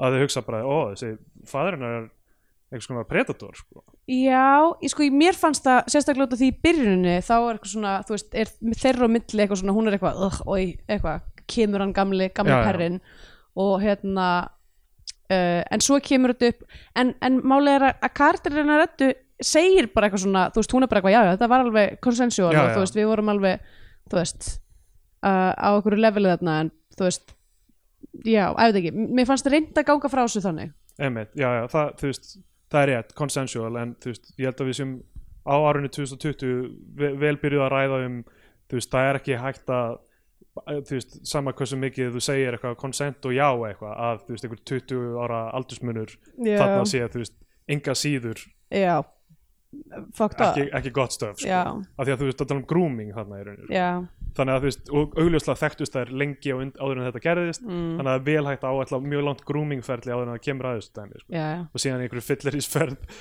erlendis þá gerist þetta ítrekka sko. já, líka hafa líka kennarinn hennar. Já, einmitt, hann var sorry, sko, þetta er svo fucked up sko, ég veit. Að þegar þetta er leist með, heyrðu, við heldum áfram að vera vinkonur einhvern veginn, þá er ég bara, heyrðu, þið eru að missa sjónar af stóra málinu hérna. Ég meina kannski er það bara hlutir sem að vera tekin fyrir setna eftir þessa bústaðaferð af því að þú veist, af því ég þær veit, en við erum ekki að horfa á það. Já, ég veit það, en þú veist, en nei, út af því að þær segja, þú veist, þær er eitthvað svona, þú veist, ástæðan fyrir þetta byrjar er að þær eru svona eitthvað, já, hann var nú alltaf svo hressan pappi þinn, ha, hann var nú svo skemmtilegur, þið vorum í MS. Það eru byrjar að sko, það, þar eru sko, er þær, hafa þær aldrei síðan, hinnar sem vita af þessu, hinnar vinkonunnar, sem tvær hafa haldið þessu leyndamáli, þær hafa aldrei hugsað sko, tjóðlega var þetta slæmt og eitthvað, það, það var aldrei hugsað, um- þú veist, það kemur reglulega fyrir maður, hugsar tilbaka um eitthvað moment mhm, og maður er eitthvað, fuck, þetta var fucked up, Já, uh, en uh, það er ekki fyrir maður hugsar um það, uh, uh, veist, og umræðan er búin að mæta einhvern veginn, veist, því momenti. Og svo hugsa maður um það, já, þetta var fucked up, að þetta skildi verið í gangi. Já, uh, en þær er að tala um þú veist, eins og þetta hafi bara verið jákvætt og þær hafi aldrei hugsað um það og svo bara já, pappi var alltaf hress og skemmtilegur og eitthvað svona. Og þær hafa bara aldrei Mér fannst nefnilega að ég var að skinja svona stríðnistón í þeim. Svona eins og eitthvað, en eins og það eitthvað svo svona við vitum, við vitum öll hvernig hann var. En þá eru þær að hinta líka að þessu Já, sko, að- einmitt En þú veist, þetta er kannski bara eitthvað svona hlutir sem að þær eru búin að bara eitthvað, ok, þetta var bara í það er fortíðinni. ógst að fokta upp að gera vinkunum sína vera alltaf eitthvað að hinta að þessu. Ég held að það sé samt sko bara líka erfiður hlutur að vera eitthvað svona, heyrðu, bæða vegi, pappiðin er ógeð. Já, já, það, ég algjörlega ég, þau- þau- Maður sem við hefum þekkt í 40 ár, hann er ógeð. Já, já, þú myndir ekki gera það fyrir en þú veist búin að þetta er allt komið upp í dagsljósið sko. en þá verður fyrir myndina sko, að það. Ég veit ekki, ég held að, ég held að hafi bara verið, þú veist, það er oflókin dýnamik til þess að einhvern veginn að leysa í þessari mynd. Já, ég, þú veist, eins og það gerir sko, þú veist, í svona sjónvastáttum sem er að díla við svona dót, þú veist, Brooklyn Nine-Nine til dæmis, mm. þú veist, gerir þetta stund bara með einni setningu, bara eitthvað, fucked up heimil sem við lifum í, eða eitthvað svona, Já, eitthvað, þetta er ekki gott samfélag, já búið- bara, bara svona hérna- bekenna það. mö- mörg hundru ára fucking ræðilega hluti sem er að gerast, eitthvað, jú, Að- það hefði vissulega alveg verið eftir bara svona, bara svona setja, setja limmiða á þetta, svona, jú, við erum, alveg, við erum meðutuð um að þetta er, lítur ekki vel út í dag. Já, en þetta samt enga síður sko um, veist, þegar díla við þetta þá kemur náttúrulega í framhaldinu þetta ofskinunar moment sko, sem er, sem að er gott til þess að leysa úr tráma fortíðar. Já, uh, af- en hins vegar ekki uh, myndi ég segja, veitni ástæðu sem við komum að eftir. Uh, sko þetta gerist þær fyrir allar að rífast um, Mhm. og það eru hérna Edda og Ardís fara af, þú veist, bara burt. Já, Edda er að tala um hún hefur ekki, þú veist riðið lengi, hún hefur ekki séð hartipi af því að, þú veist, Arnar er, Já, hún er svo gamall. Og uh, Ardís uh, pissar að nota götu og, það, og, og tekur síðan eftir það er einhverju menn. Já, ítölsku já. uh, ferðamenninir og þær eru bara eitthvað fullar og hérna svona búin að eitthvað svona gefast upp gagvart hlutunum og eru bara eitthvað í hlátuskast og eitthvað, mér varst alveg svona gaman að sjá Já. það sem að var líka, þú veist, það var að mirrora það við senu í síðustu veðurferðinni, það sem þeir voru eitthvað piss, pissaði kúka eða eitthvað víðavangi. Og það sá ekkur það, sá ekkur það. Uh, um, klassískur hlutur sem gerist á Íslandi þegar maður er út í sveit og, eitthvað. já, uh, og, um, það, það sko þe þeim verð ég að segja bara eitthvað, já, auðvitað er það að fara að lenda í þessu ef þið takið ekki nema tvær þú veist, ef þið bara girðir niður um ykkur á staðnum bara hafið aldrei heyrt um að finna runna. Já. Um, af því að þetta er líka sko þetta er svona sumabústaða hverfi það er Já, barnafólk bara í kring og eitthvað uh, hérna það er uh, síðan bara vaknar Edda Björg. Það er eitthvað þú veist að fara að tala við þessa ítali og eitthvað. Svo vaknar hún bara og er í sundbólnum og ráfar út og fer í, það er allar í morgun potti saman, allar í Mm. potnum. Mm hún prumpar í pottin. -hmm. uh, eða mögulega píkuprumpar í pottin. Já, maður getur lesið þetta tvennan það hvort sem er. Uh, og það flýtur upp smokkur. Mm. uh, sem sagt hún saf hjá öðrum ítalanum já, og Jónu veit í sig finnst þetta náttúrulega viðbjörslega einhvern veginn í pottinum hennar. Pluss það að hún er að tala um þetta sem gerist með pappennar og svo fyrir hún beint og rýðir einhverjum gaur. Mm að þú veist, Jóna veit í skiljanlega kannski lætur hún að fara í á sér hérna. -hmm. uh, eitthvað meira um þess að senu að segja? Um, ég hef séð þetta áður. Hefur þið séð þetta gerast eða hefur þið séð þetta í bíómynd? Sko, ég hef séð þetta í bíómynd. Sagt þetta er svona eitthvað að smokkurinn, eitthvað, smokkur frá því í gær Já, já. eitthvað resurfacing uh, ég he, þetta hefur líka komið fyrir í vinnhófnum mínum. Þess vegna er ég eitthvað svona bæði er eitthvað svona, "Ó, þetta er, þetta er klísja að því að maður er svitt í bíómyndum en þannig en þá líka hefur þetta komið upp í vinkonahófnum mínum. Já, já. þannig að ég veit ekki alveg hvort þetta sé, þú veist, boring eða bara, þú veist, einhvern veginn já, já, sko þetta er líka annar hlutur sem er undanfærin ár búið að vera að tala um sem mögulega getur skilgjönd sem nauðgun sko. Að náttúrulega ef smokkur er tekin af eða fer af þetta hefur líklega Já. ekki verið viljandi. Nei, en enga síður þá þú veist uh, er það líklega sett ábyrðin á kallmannin að að vera eitthvað að heyrðu, já. þegar það er sett út smokkur á að hann sjáu til þess að hann sé þar allir tíma já, og fari aftur út, veginn. Já. Um, já, mér finnst líklega að þau hafa bara bæði verið blekuð. Já, algjörlega, en þú veist eins og til dæmis að tekið fyrir í hérna, I may destroy you já, þá uh, myndi það ekki vera þú veist, heldur afsökun sko. nei, alls ekki. Eða, það, er, það er ekkit afs, ég held að sé ekki afsakanir í uh, þetta, er bara svona eitthvað þetta er hlutur sem, hef, sem, gerist stundum. Ég, ég veit, þetta, þetta getur gerð sko. En hérna enga síður sko, það eru mjög margir svona jarring mm uh, svona, smá svona naukunakultúrs moment sem komu upp svona í röð þarna, sem ég er eitthvað svona, ah, já, ok.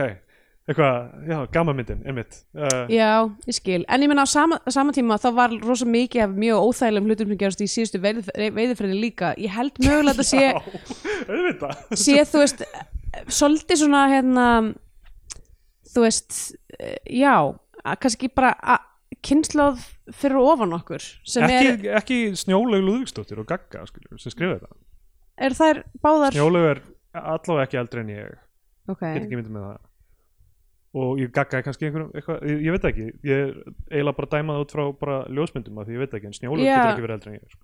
um, hún er allavega eldri en ég sko en þannig að Um. þú veist, ég, ég get ekki ímyndað mér annað en þú veist að er sem skrifa þetta handrit og eru í þessum uh, kultúr sem er búin að fara í gegnum mm, mikla umræði í kringum já. þessi mál innan kvikmyndagerðar og, og leiklistar á Íslandi algjörlega, ég held samt sko að, það, að það sem er verið að gera hérna er að, að hérna, endurspegla þú veist íslenskan bara svona bólakult eða svona bara svona alveg já, svona já, hérna uh, meðaltalsmenningu. Sem að, sem að myndi ekki vera óksla vók Nei, nei, ég er ekki að segja að þetta að heldur að vera neitt rosalega vók. Ég er bara að segja að þetta vekur upp þessar tilfinningar hjá mér því ég horfa já, já, Alveg eins og síðasta veðurferðin því ég sé þá bólast, skilur þá finnst mér það glata. Það er ekki, ekki jafn mikið af veist, það, það, það fær mig til að hugsa sko, æ, þessar konur þarna, þessar miðaldra konur sem er að gera þessar hluti í myndinni Já, eru ekki enn jættur meðvitaðar um tráma sem þær hafa upplifað sko. Nei, veist, einmitt. það, þetta er bara en eitthvað það er samt, það er eitthvað svona forbóði um verri hluti að koma Já, einmitt, en þú veist, það er samt líka alveg bara 100% mér finnst það bara einhver sannleikur í því, sko. Það er það sko. En myndin er, ég myndi ekki segja myndin væri að nótera það sko. Nei, nei, það er rétt. Um, sko hún, hún hefur eitthvað talað við Arnar um opið samband eða eitthvað svona, svona afsaka sig með það sko með framhjáldi mm. uh, og uh, og það eru að fela sig fyrir ítölunum sem uh, hérna mæta þarna og banka upp á og, Það er kannski mitt mála, því þú veist eins og dæmis með þetta hérna, hún er eitthvað svona, hún heldur framhjá og svo er hún eitthvað svona í pottanum eitthvað svona, já, við, meina, við höfum sko rætt opið samband, eða hann reyndar ekki samþykkt það, en hann verður ekki ekki samþykkt það Já, já. þú veist, allar þessar konur eiga að vera assholes þær já. eiga að vera með, þú veist, stóra persónugalla þú veist, alveg eins og í síðustu veðiferðinni voru, þú veist, allir með bara massífa persónugalla já, já, þú mátt ekki miskri, ég er ekki að segja þér eigi að uh, hérna vera einhvern veginn góðar og gallalösir ég er alls ekki að segja það. Ég er að tala um það er hægt að nótira það með þú veist, bara einhver, einhver svona acknowledgementi á einhverjum vinkli án þess að personundur fatti það. Eða þú veist, það er hægt að sína það gagvart áhorandunum með einhverjum hætti uh, að, að það sé eitthvað svona moment af eitthvað kemur upp og svo er það kannski bara veist, byrt niður aftur eða eitthvað þannig sko. Já, það veit ekki, ég ætla að sakna þess ekkert eitthvað mega, eða þetta ángraði mig ekkert meira hátta mikið sko. ok um, svo hérna um, uh, sem sagt félagar segja fyrir hérna ítalunum tala um hvað eru ljótir og svona Já. og uh, Elma Lísa byggðist afsökunar á, á sínu upplaupi og uh, og segir að hún hafi sérst, verið reikin Já, og þess vegna hafi hún verið að missa vitið. Áður en, það, áður en það gerist þá er Helga Braga farin að týna sveppi sko Já, að því að hún þarna, um morgunin þegar það er alltaf eitthvað svona að fara út í pott, þar byrja eitthvað svona, ég held, já, hún, hún er svona eitthvað, það er, ég er, ég er andlegur leiðtói þessara ferðar og það er það sem ég er komin hingað til að gera og ég ætla nú ekki að láta þær fara út á þessum bústað án þess að vera búin að laga þessi mál þannig að hún eitthvað fer og týnir sveppi já, já. og hérna og er síðan eitthvað, já, núna þurfum þið að tala eins og mannskjur við já. hvora aðra að hann se- segir Jóna Vigdís, þú, þú ert alltaf að hlaupa frá vandanum um, og hérna og núna bara þurfið þið að fara út og þið þurfið að tala um þetta og síðan uh, þegar þið komið inn aftur þá er ég með kvöldmatt tilbúin fyrir ykkur Mhm. og um, það er tala um þetta eins og við höfum sagt þú veist það kemur fram þú veist það hafi verið consent og eitthvað svona og, og, og það er svona sættast í rauninni. Já. og Helga Braga gerir sveppasósu úr þessum sveppum sem hún var að týna. Uh, ég get ekki sagt að ég viti allt um sveppaflóru Íslands. Nei, En- frekar heldur en Jónur sem þú verður aldrei Já, ég veit ekki séð. hvernig sveppir bræðast Nei, mitt uh, þannig að en það sem ég veit er að þeir eru ekki týndir fyrir en eftir fyrsta næturfrost. Já þannig að þessi árstími líklega ekki mjög kondúsif til að finna nornahatta allavega Nei, uh, sko, náttúrulega við vitum ekki þótt að myndin var tekin upp í júni þá er hún á- hún á ekkert endilega að gerast í júni Nei, en veðrið myndi ég segja Mér fannst og nefnilega, svo- mér fannst veðrið vera mjög lélegt í myndinni og mér, ég, ég var nótir að mjög oft sátu þær út á palli Já. og það var, þú veist, skíjað og virtist vera vindur og þær voru allar í einhverjum svona sumarfötum og ég var bara, hvað er það að gera? Farið í lópa? Hvað er að ykkur? já, já, algjörlega. En sko uh, sólin sko. Þetta er tekið upp í júní náttúrulega? Já að sólinn sé allan sólringin nokkurn veginn, meiri sér þegar eru þarna úti að labba þú veist, fullar og eitthvað þá er samt smá byrt það er, ákveð, það er ákveðin fyll í þessu vissulega. Líka það að þegar hún fer út að týna sveppina þá setur hún í vasa sinn uh, íslenskir matsveppir. Já. og ég uh, á þessa bók Já. og hef gefið móðminn þessa bók og ég get sagt ykkur það að sílóflísveppir eru ekki í þessari bók. Uh, sko ég veit ekki, eru aðrir nornahattar sem vaks á Íslandi? Er það sest, þessi Það er þessi hérna, li, frægi litli hérna, sem er á litli, já. ég veit ekki til þess, allavega er hann ekki íslenski matsveppir og Nei. er engin annar, þú, reyndar eru sko það eru nokkra myndir af sko berserkjasveppir eru stundum, þú veist, á sömum svæðum ko komaðir upp. Já, já, uh, og þeir eru náttúrulega bara baneitraðir. Einmitt. En þeir eru, já, svona, þannig að það, það voru einhverja myndi myndir í ekki nota það sko. Nei, nei, nei, einmitt. Um, En það, þú veist, það voru einhverjir svona, þú veist svona lookalike sveppir þú veist, það er ákveðnum svona, það er leiðir til þess að þekkja eitthvað svona, að ef þeir eru með þú veist, ákveðnum tegundum af um, svona, hérna svona blöðum undir hattinum eitthvað, þá eru þeir ekki ætir og eitthvað. Um, ég, ég veit það ekki alveg, sko þannig að ég myndi segja veist, það er ólíklegt að þetta myndi gerast í alvörinni en skiptir en ekki máli skilur. skiptir ekki máli nákvæmlega uh, já, uh, það er þetta Nighterfrost hún uh, byrlar þeim öllum ofskinnunarlifin Já, þetta finnst mér up, sko. galinn hlutur, sko já, já, það, og myndin kommentar ekki heldur á það sko. það er aldrei eitthvað, hvað gerðir okkur sko. Já, mynd, af því að þetta, sérstaklega eftir alla drikkjuna sem er búin að vera í gangi, allt þetta dæmi að byrla einhverjum áskinnunarlif er, það er frekar fokkt á plutu til að gera Já, það hefði mátt að kommenta á það Já. aðeins. Af, hverju- þú veist, eða bara momenta sem það er bara, heyrðu, treystiði mér. Ég ætla bara að leiða ykkur í gegnum minna ákveðin hlut. Já, við erum tilbúin að treysta mér til þess að vita hvað er best fyrir ykkar velferð augnablikinu núna? Já, og það er bara, eh, þú veist, eitthvað, eitthvað svona momenta sem, þú veist ég er ekki að hugsa, ok, þetta er þriði frekar viðbjöðslegi hérna, hlutunum sem kemur úr já. sérstaklega nöðgunarkultúr núti, núti dagskil Einmitt. ógeðslega mikið verið að tala um byrlanir á Íslandi Einmitt, þessi missinni sko að bara, já, ok, hérna eru fjóra konur sem fá bara eitthvað tripp án á þess að vita það síðan einmitt. Það er líka hlutur sem að sko ég held að sé mjög mikilvægur í því að trippa já, er að þú verður að vita að það er að fara að gerast. Já, já, að því að þú veist, ok, ég er náttúrulega að reyna að segja sögu sleppa öllum nöfnum og svona en ég var eins og í bústað með vinum mínum já. og einn minn sem sagt, kom með sveppaköku. Nei ekki sveppaköku heldur grasköku með já, sér. sem að var mjög falleg og svona gulrótakaka. Þess að hann var bara svona eitthvað by the way, allir hérna í þessum bústað þetta, þessi gulrótakaka er graskaka, ekki fá okkur af henni ef ykkur langar ekki í að, vera skökk þú veist, það bara vitið bara af því og eitthvað svona, ok einn gæi vissi ekki af þessu, hann misti af þessu. Ah, og hann, þú veist, einhvern tímann um kvöldi var eitthvað svona, oh, líður þess að ég að fá svona blóðsikurfall og var eitthvað fór hann í eldús, fekk sér bit af kökunni, var eitthvað, ah, fullkomi, gulur út að kaka. Fekk sér bit af kökunni. Uh, svona 20 minnur setna var hann eitthvað, oh, mér líður eiginlega bara verð ég fæ meira af kökunni. Wow. og var bara alveg fá en hann, hann vissi ekki að hann væri skakkur af því hann vissi ekki að, þú veist, hann var bara eitthvað ég er bara eitthvað lasin já, já, mér líður bara eitthvað illa, ég þarf bara að leggjast niður ég þarf að borða eitthvað, þú veist. Hann fattaði ekki að hann væri skakkur af því hann vissi ekki að hann væri skakkur. Já, þannig að það er mjög stór partur af þessu að er að vita að sensationin sem þú ert að fá séu já, þetta sé eðlilegt Eðlileg. þetta sé það sem þú kvitaðir upp á. já, annars ertu bara herðu, við erum öll að fá matareitur hérna samtímis Einmitt. Uh, ekki gott um, sko, já, einmitt ég, hérna ég, ég er ekki það sé meira samt, sorry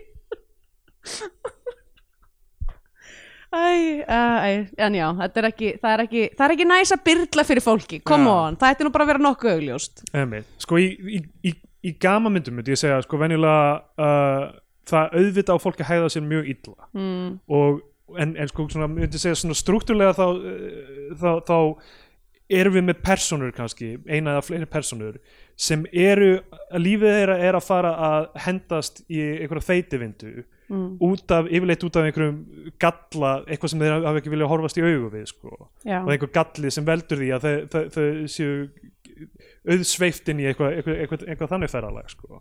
og síðan er lamið á þeim alla myndina. Já, og við vitum, þú veist, þetta er bíómynd, þetta er allt í lagi en þú veist, manneskjan er líklega þú veist, fær eitthvað svona redemption í lokin það sem hún, hérna það, það sem eitthvað svona, ok, ég hef horfist í augu þetta dæmi, já, eitthvað, þetta er allt í lagi ég hérna, ke- kemst út úr þessu, þú veist hérna, ofbeldið og shitið sem manneskjan gengur í gegnum, hún má aldrei verða of illkvittin eða, eða þannig sko. Eða sko það hefði bara mátt allavega, þú veist, bekina þessa framvindu kannski jáfnvel bara eftir, já, eftir að þær eru búin að trippa að vera eitthvað svona, herðu, Já.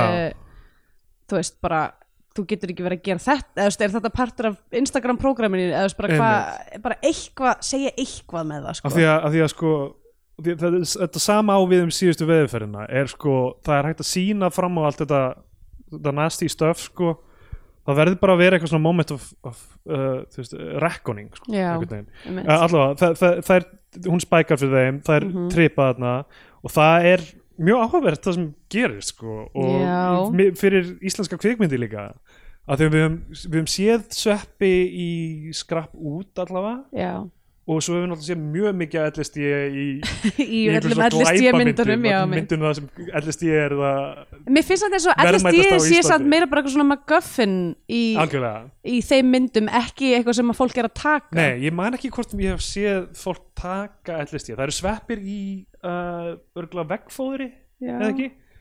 Gott að þeir ekki notaði til að byrla með þar. Já, einmitt. Um, ég og það ekki sko. veist, þetta er sko sveppir sem eru náttúrulega stór hluti af íslenskum kultúr sem var komið að segja skil, þetta er Mhm. þetta native uh, einmitt. og örgulega ástæðan fyrir mjög miklu af uh, þeirri þjó- þjóðtrú sem við þekkjum er að fólk var alltaf óvart að bor, drípa og sjá einhver tröll og og eitthvað og svo fáum við þarna þetta er mögulega fyrsta visually uh, formaða svona sveppatrippi sem við höfum hort á íslenski kvip já, ég held það. Það sem við Nei, sjáum ég held að gæti nú hafa verið eitthvað svona eitthvað, eitthvað kameratrykk í hérna Lómur að falla. Já, það var allavega kamerunótkun þar var þú veist, var, var beitt nei, ekki sveppir, þær voru náttúrulega bara eitthvað að taka heroín eða eitthvað líka. en þú veist, en það var, var brellum beitt til þess að láta menn líða eins og eitthvað, að ok, það er, það er víma í gangi. Einmitt. Og mögulega XL líka. XL er náttúrulega non-stop af því sko. Já, en ég man ekki eftir að veist með ekki, sem- ekki sveppa ég er bara, ég er bara að tala um almennt Já, dóp, ég, ég sko. tala um þetta sko visually svona trippi fjólblá liturinn uh, svona, svona, svona fraktal dæmi svona uh, tracerar og eitthvað svona. Að ég var- náttúrulega veit ekki hvað neitt af þessu raunverulega er Nei, sko, nákvæmlega. að ég er bara að ég, segja er- ég, er bara, ég er bara að segja einmitt, veist, þetta, var, þetta var gert rosalega vel í Midsommar Já, í Midsommar var þetta gert mjög vel. Mandy gerði þetta ágætlega varandi uh, og við erum bara að giska því að við náttúrulega vitum ekki hvernig Nei, einmitt, já, þú veist maður bera saman, ég hef gert mikla rannsóknarvinnu done my own research, bera þetta saman á netinu myndir af og lýsingar sem fólk kemur upplifa en þannig er það sko þær eru þú veist, við, þú veist heimininu fjólublar er að hlaupa með hestum. Já, einir á hest baki einhvern tímann. Já, voru í vaklaskóir undir.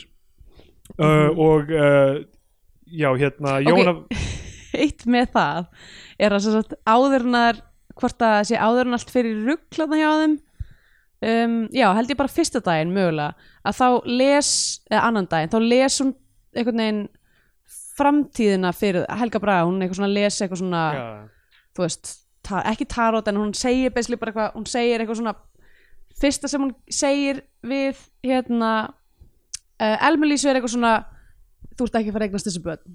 Já, þú verður áfram barnlus og hérna um, og svo eitthvað svona snýr hún sér að um, að eddu og er eitthvað svona ég sé fyrir mér eitthvað svona þú veist, hérna eitthvað svona sveit, eitthvað, sveitamann eða eitthvað svona hestamann eða eitthvað svona í, í þinni framtíð. Já, eitthvað. Og svo segir hún við hérna hvað heitir hún aftur leikskólastýran?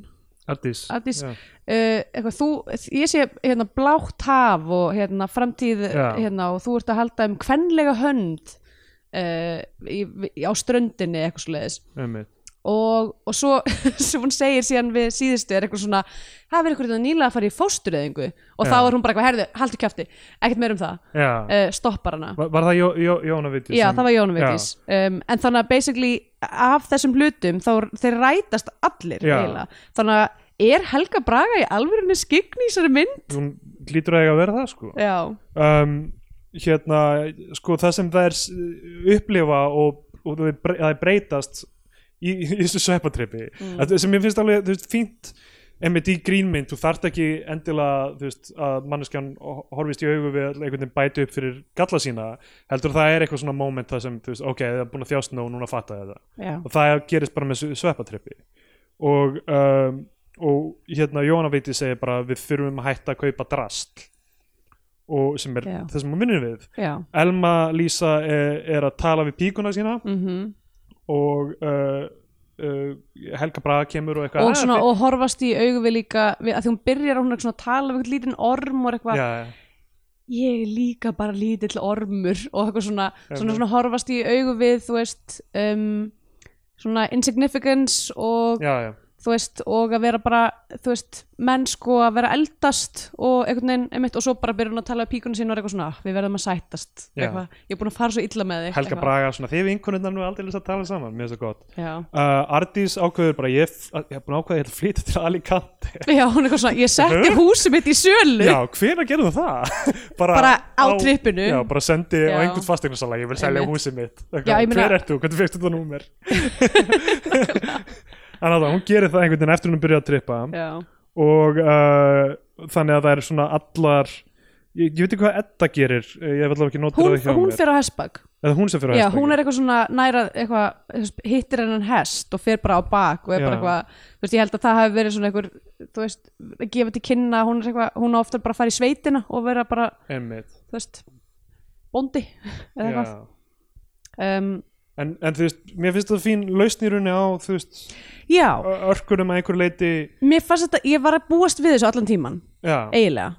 Bara með, þú veist, strax svo þessi karakteri kynntur sem er eitthvað sjaman, Einmitt. þá er ég bara ok, þær munu trippa á endanum og það verður, þú veist, aðalriðs í myndinni mér fannst pínu erfitt að þú veist, það var búið að vera eitthvað ákveðin látið að rétt að um það gerðist. Já, þetta, og þú veist, þannig að ég er eitthvað ok, núna er þetta að fara, núna er þetta að fara, að fara í þriða gýr já.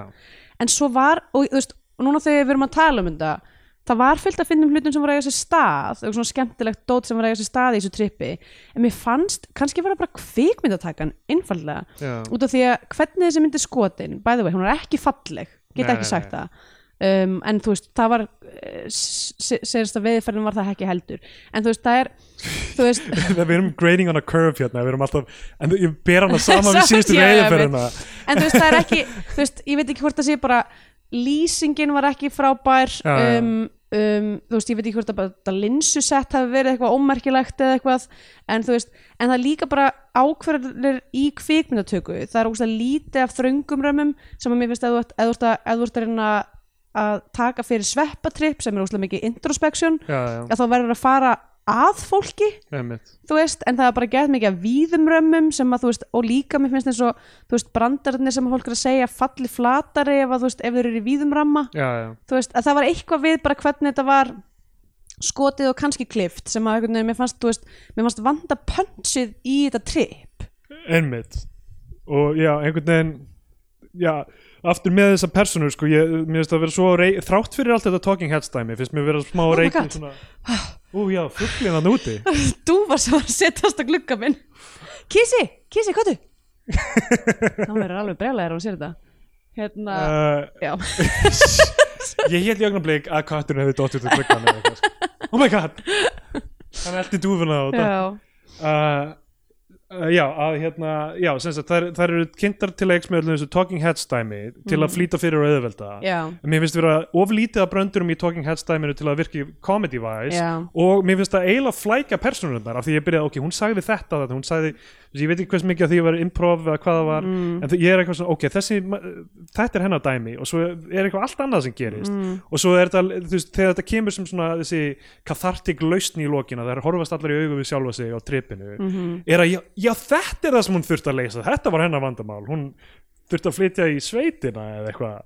En Já, ekki- mér þú veist, fannst, ég- ég ekki mér fannst sjá- ekki alveg nógu góð lausn fyrir hann Já. Karterinn Eddu, ég var ekki alveg að skilja þú veist hvernig þetta væri að fara að leysa einhvern veginn hennar. Þurfti hún að flytja til Alicante hún Ardís? Já, því hún var búin að vera eitthvað svona ég, að, ég fekk, ég fekk hérna, kulnun ofan á gömlu kulnununa mína og Já, en þær sögðu það eiginlega allar það, þetta Já, sama, en hún, hennar var sérst, hún líka eitthvað svona dóttir hennar býr inn á henni með börnin sín og Já. hún eitthvað svona hatar að vera heima hjá sér og Já. bara nennir ekki, þú veist, hún er bara svona algjör uppgjöf á henni Já, en að það er líka allt, eitthvað sem kom bara fram í díalóg en ekki það, þú veist, maður finnur það ekki sko.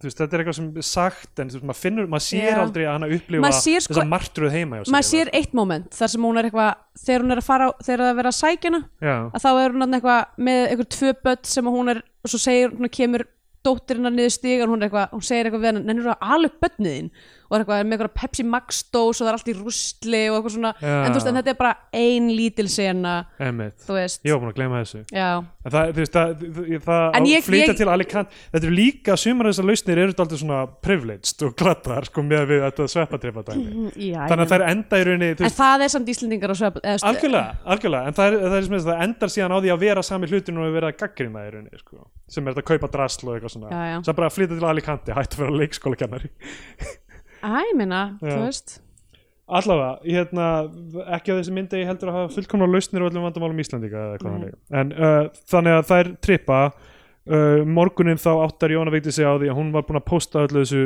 á síðuna sína Já. Það sem hún er ok, að segja, hættu að með drasl. eitt, sorry, sorry, ég sé alltaf í svona technical dæmi en hérna, en eitt sem að mér fannst, sko, mér fannst nefnilega sko litadæmið í trippinu flott, Mm. mér finnst það virka eitthvað svona þeir eru að horfa á heiminin og hann er eitthvað svona þú veist, með einhverjum fárlum hjús og okksleðis en það var allan tíman í þessu trippi eit- eitt af sko skringilegasta blörmapp sem ég hef nokkuð tíman séð já, sem er bara, þú veist, það var bara svona þú veist, ekki held ég þú veist, ef þetta var linsublör þá bara get ég ekki skilið hvernig það virkaði að það var bara svona eins og það væri bara svona doppur af blör eitthvað staðar á skjánum. Þú veist, helmingurinn á skjánum var í fókus og helmingurinn ekki en það var ekki, þú veist, linsufókus heldur, það var bara svona ég, ég gat ekki hægt, ég var bara svona, hvað er að gerast? Og byrju, er þetta hvernig maður er já, þú veist að því að jújú, jú, það er svo sem alveg svona fó, þú veist, augun eiga erfitt með fókarlengts ef þú ert gett skakkur en ekki svona. Ég var mér fannst þetta eitthvað svona Já, blá, já. pínu, eitthvað svona blá, allavega uh, svo mikið sína öll kortin okkur hérna. Hún, uh, já, Jóna Vigdís var búin að posta þessu öllu sem sagt, það sem hún er að segja við erum að hætta að kaupa drasl og þetta er, þú veist, gone viral eða eitthvað þannig myndbandið af henni að, þú veist, í rauninni bara segja allt sem hún gerir að kjafta þig hmm. uh, Nágrænir koma að kvarta yfir hávaðaru Dóri Díana og Snjólaug sem já, er eitthvað, herðu, við gátum ekkert sofið hérna, sérstaklega í fyrri nótt segja þau, já. Það er nóttin það sem vantilega það sem það eru að öskra Helga Björslug við, það er fyrsta, það, þetta verið nóttin það sem þeim lendir saman. Já, já, já, Líklega. emmitt En það, og fara hver í sínu lægi síðan. Já, allavega, uh, ég, allt, í einu- ég bara hjó eftir þessu hvað var signifikant við allavega, Já. ég var yfirildið örglega mm, um, og segja, herðu, það voru læti og það er, eh, þú veist, endar með bara, herðu, bara fuck it, við meðum skemmt okkur líka. Já, hérna er uh, eitthvað rauðvins belju draslið eða eitthvað. Mér finnst það gott að það er eitthvað, já, gefum mömmu þetta er eitthvað draslið, Já. bara mömmu þetta er jólagjöfu eða eitthvað. Það keira heim. Uh, slökkva uh, á símanum. Það er svona já, Moment. um, og svo kemur hérna bráðum kemur ekki betri tíð og hver er uh, við veginn. Já, nema car trouble. Nema that Ragga girl Gís- from the band. Já, stelpan og leynilögga uh, Ragga Gísla já, sem er alltaf að bræða fyrir í myndum. Já, einmitt. Þetta hlýtur að vera eitthvað, hún hlýtur að vera með eitthvað samnings eh, hérna, eitthvað staðar. Hérna, en já, allavega hún, þetta er bara til þess að eh, hérna, mér er að bubba. Já, fær far hjá þeim og það, það lægið kemur og það keira og síðan var ég eitthvað svo okkur með þið búin og svo bara, herri, býttu við. Heyrðu, býttu nú við. Bíllinn eins og í grís já, flýgur. Já, bara koma vangir á hann og hann bara tekur á flug og, og, og himinin verður aftur svona já, hérna, bleikur. Trippi bleikur. Um, já. Og þannig enda myndin. þannig myndin. Eitt sem ég fattaði í þetta sinn sem ég held ég hafði ekki ég hafði ekki hérna, klokkað þegar við horfðum á síst veðferðina já. er að þetta er, þetta device er í rauninni skaupendir.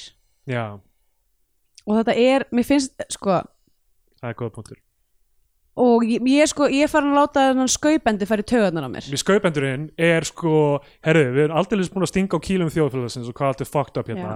En gleymum því bara og d- d- dönsum Málið er og og fyrir, ég, einhvern hluti vegna rambaði ég inn á hérna djöfusi snillingar já, já, lokasketsin mm, sem var 2011 þar sem að lokalægið var bara ég, ef ég man rétt þá lappaði af minn út um, yfir þessu lægi um, en þá var bara loka sketsin í skaupinu var bara ráðmenn þessar þjóðar eru siðfyrslega já, uh, en það er partí. Já, já, þú veist, en núna síðustu þrjú fjögur árin hefur lokalegi í skaupinu alltaf verið bara eitthvað við verðum nú bara að standa saman og gleyma þessu og hérna, og þú veist það er aldrei, það er ekki, það er ekki lengur grínlagt það er bara eitthvað fucking, einhver skondin text Já, eftir það- Braga fucking, hérna, Valdimar, Já, og já, og þú færi eitthvað svona, þú veist, króla eða eitthvað til að syngja Já, það. eitthvað svona, dað, eitthvað svona sem allir geta sammælst um að sé frábær, daði fyrir eða eitthvað.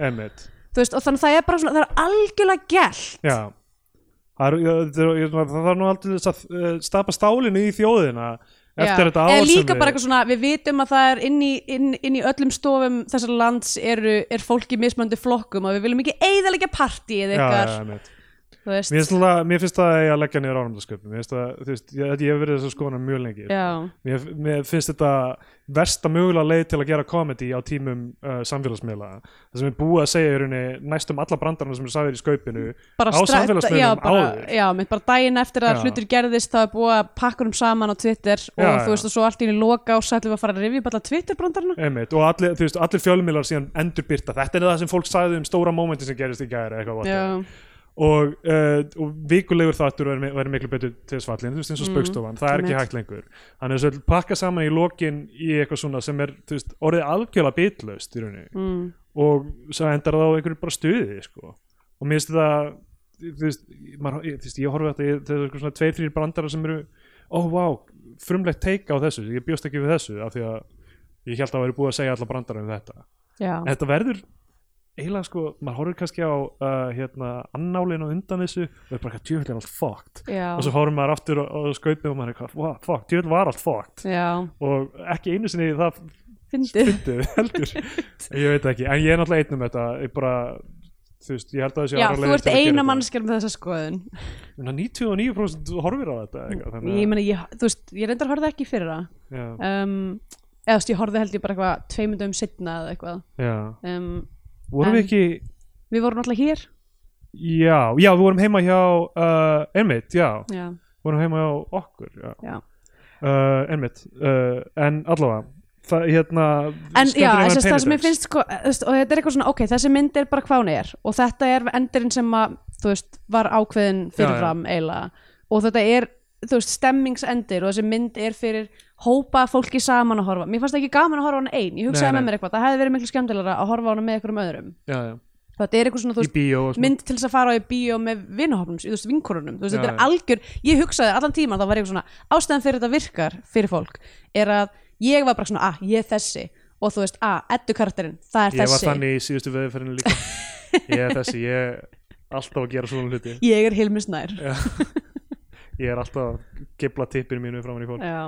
Nei, að þú veist bara svona, þú veist þessi svona, þessi, þessi, þessi svona standard karakterar. Já. og þú veist og vinna hópa dýnamíkin svona, þú veist, þetta finnst fólk finnst gaman að horfa á þetta saman, þú veist. Einmitt. og þú veist, og fyrir það, alveg eins og með skaupið sem að er áhorf sem að fólk gerir alltaf í hóp, já, já, ég held að sé enginn að horfa á skaupið einn, já, nema eitthvað missi af því eða eitthvað. Já, emmitt uh, er að þá virkar þetta, en fyrir mér var ég bara svona, ok, þetta er svo mikið kopp á þessi endir. Já, já. Um, fyrir mig en- Skandinavian Penedex og Já, ég menna, þú veist, drifkraftin í þessari mynd er náttúrulega útkvarfa óhamingja. Uh, við fyndum, við áttum okkur þegar þessi þáttu kemur út þá var skaupið fyrir þremur dögum og við höfum ekki séð það. Já, það er rétt. Þannig að kannski var skaupið bara ógeðslega brútal Já, og kannski var eitthvað algjör bara einhver, þú veist, aftaka í bytni já, bara það var bara live brotist inn í stjórnaráði og fólk borið út. Og allar klukkurnar uh, teknar af veggjónum hérna, en já, þú veist eh, þessi myndi náttúrulega er að fjalla um bara íslensku tilveruna já, já, mjög mikið, þú veist það er gamli perrapappinn og Lindamál Forti er að koma, koma upp aftur og þær fara náttúrulega út í sveip, sveit um, það er framhjóhaldið Já. uh, það er áfengi og dóp um, já og svona, og þú veist, jú, allir maður getur ekki svona já, ég veit ekki, kannski ekki hægt að kalla Helgu, Helgu bara Rótstringer en hún er svona já, já. þú veist, kemur hann með þetta ferðalag. Um, já og svo þú veist, já þarna, þessir hestar og þessi náttúra svona spila einhverja rullu í þeirra ferðalagi uh, þú veist, karakterina í myndinni en mér fannst það ekki unninni sérstaklega mikið úr því. Þú veist, það var það, mér, ég, já ég held ég var mögulega aldrei sagt þetta áður en þú veist, en, en, en ákvarðanir í bara kvikmyndatöku og römmun held ég hafi sem sagt eðalagt smá fyrir þessu handriti. Já. af því venjulega bönum við bara handritið. Við erum alltaf hörðið handritin sko.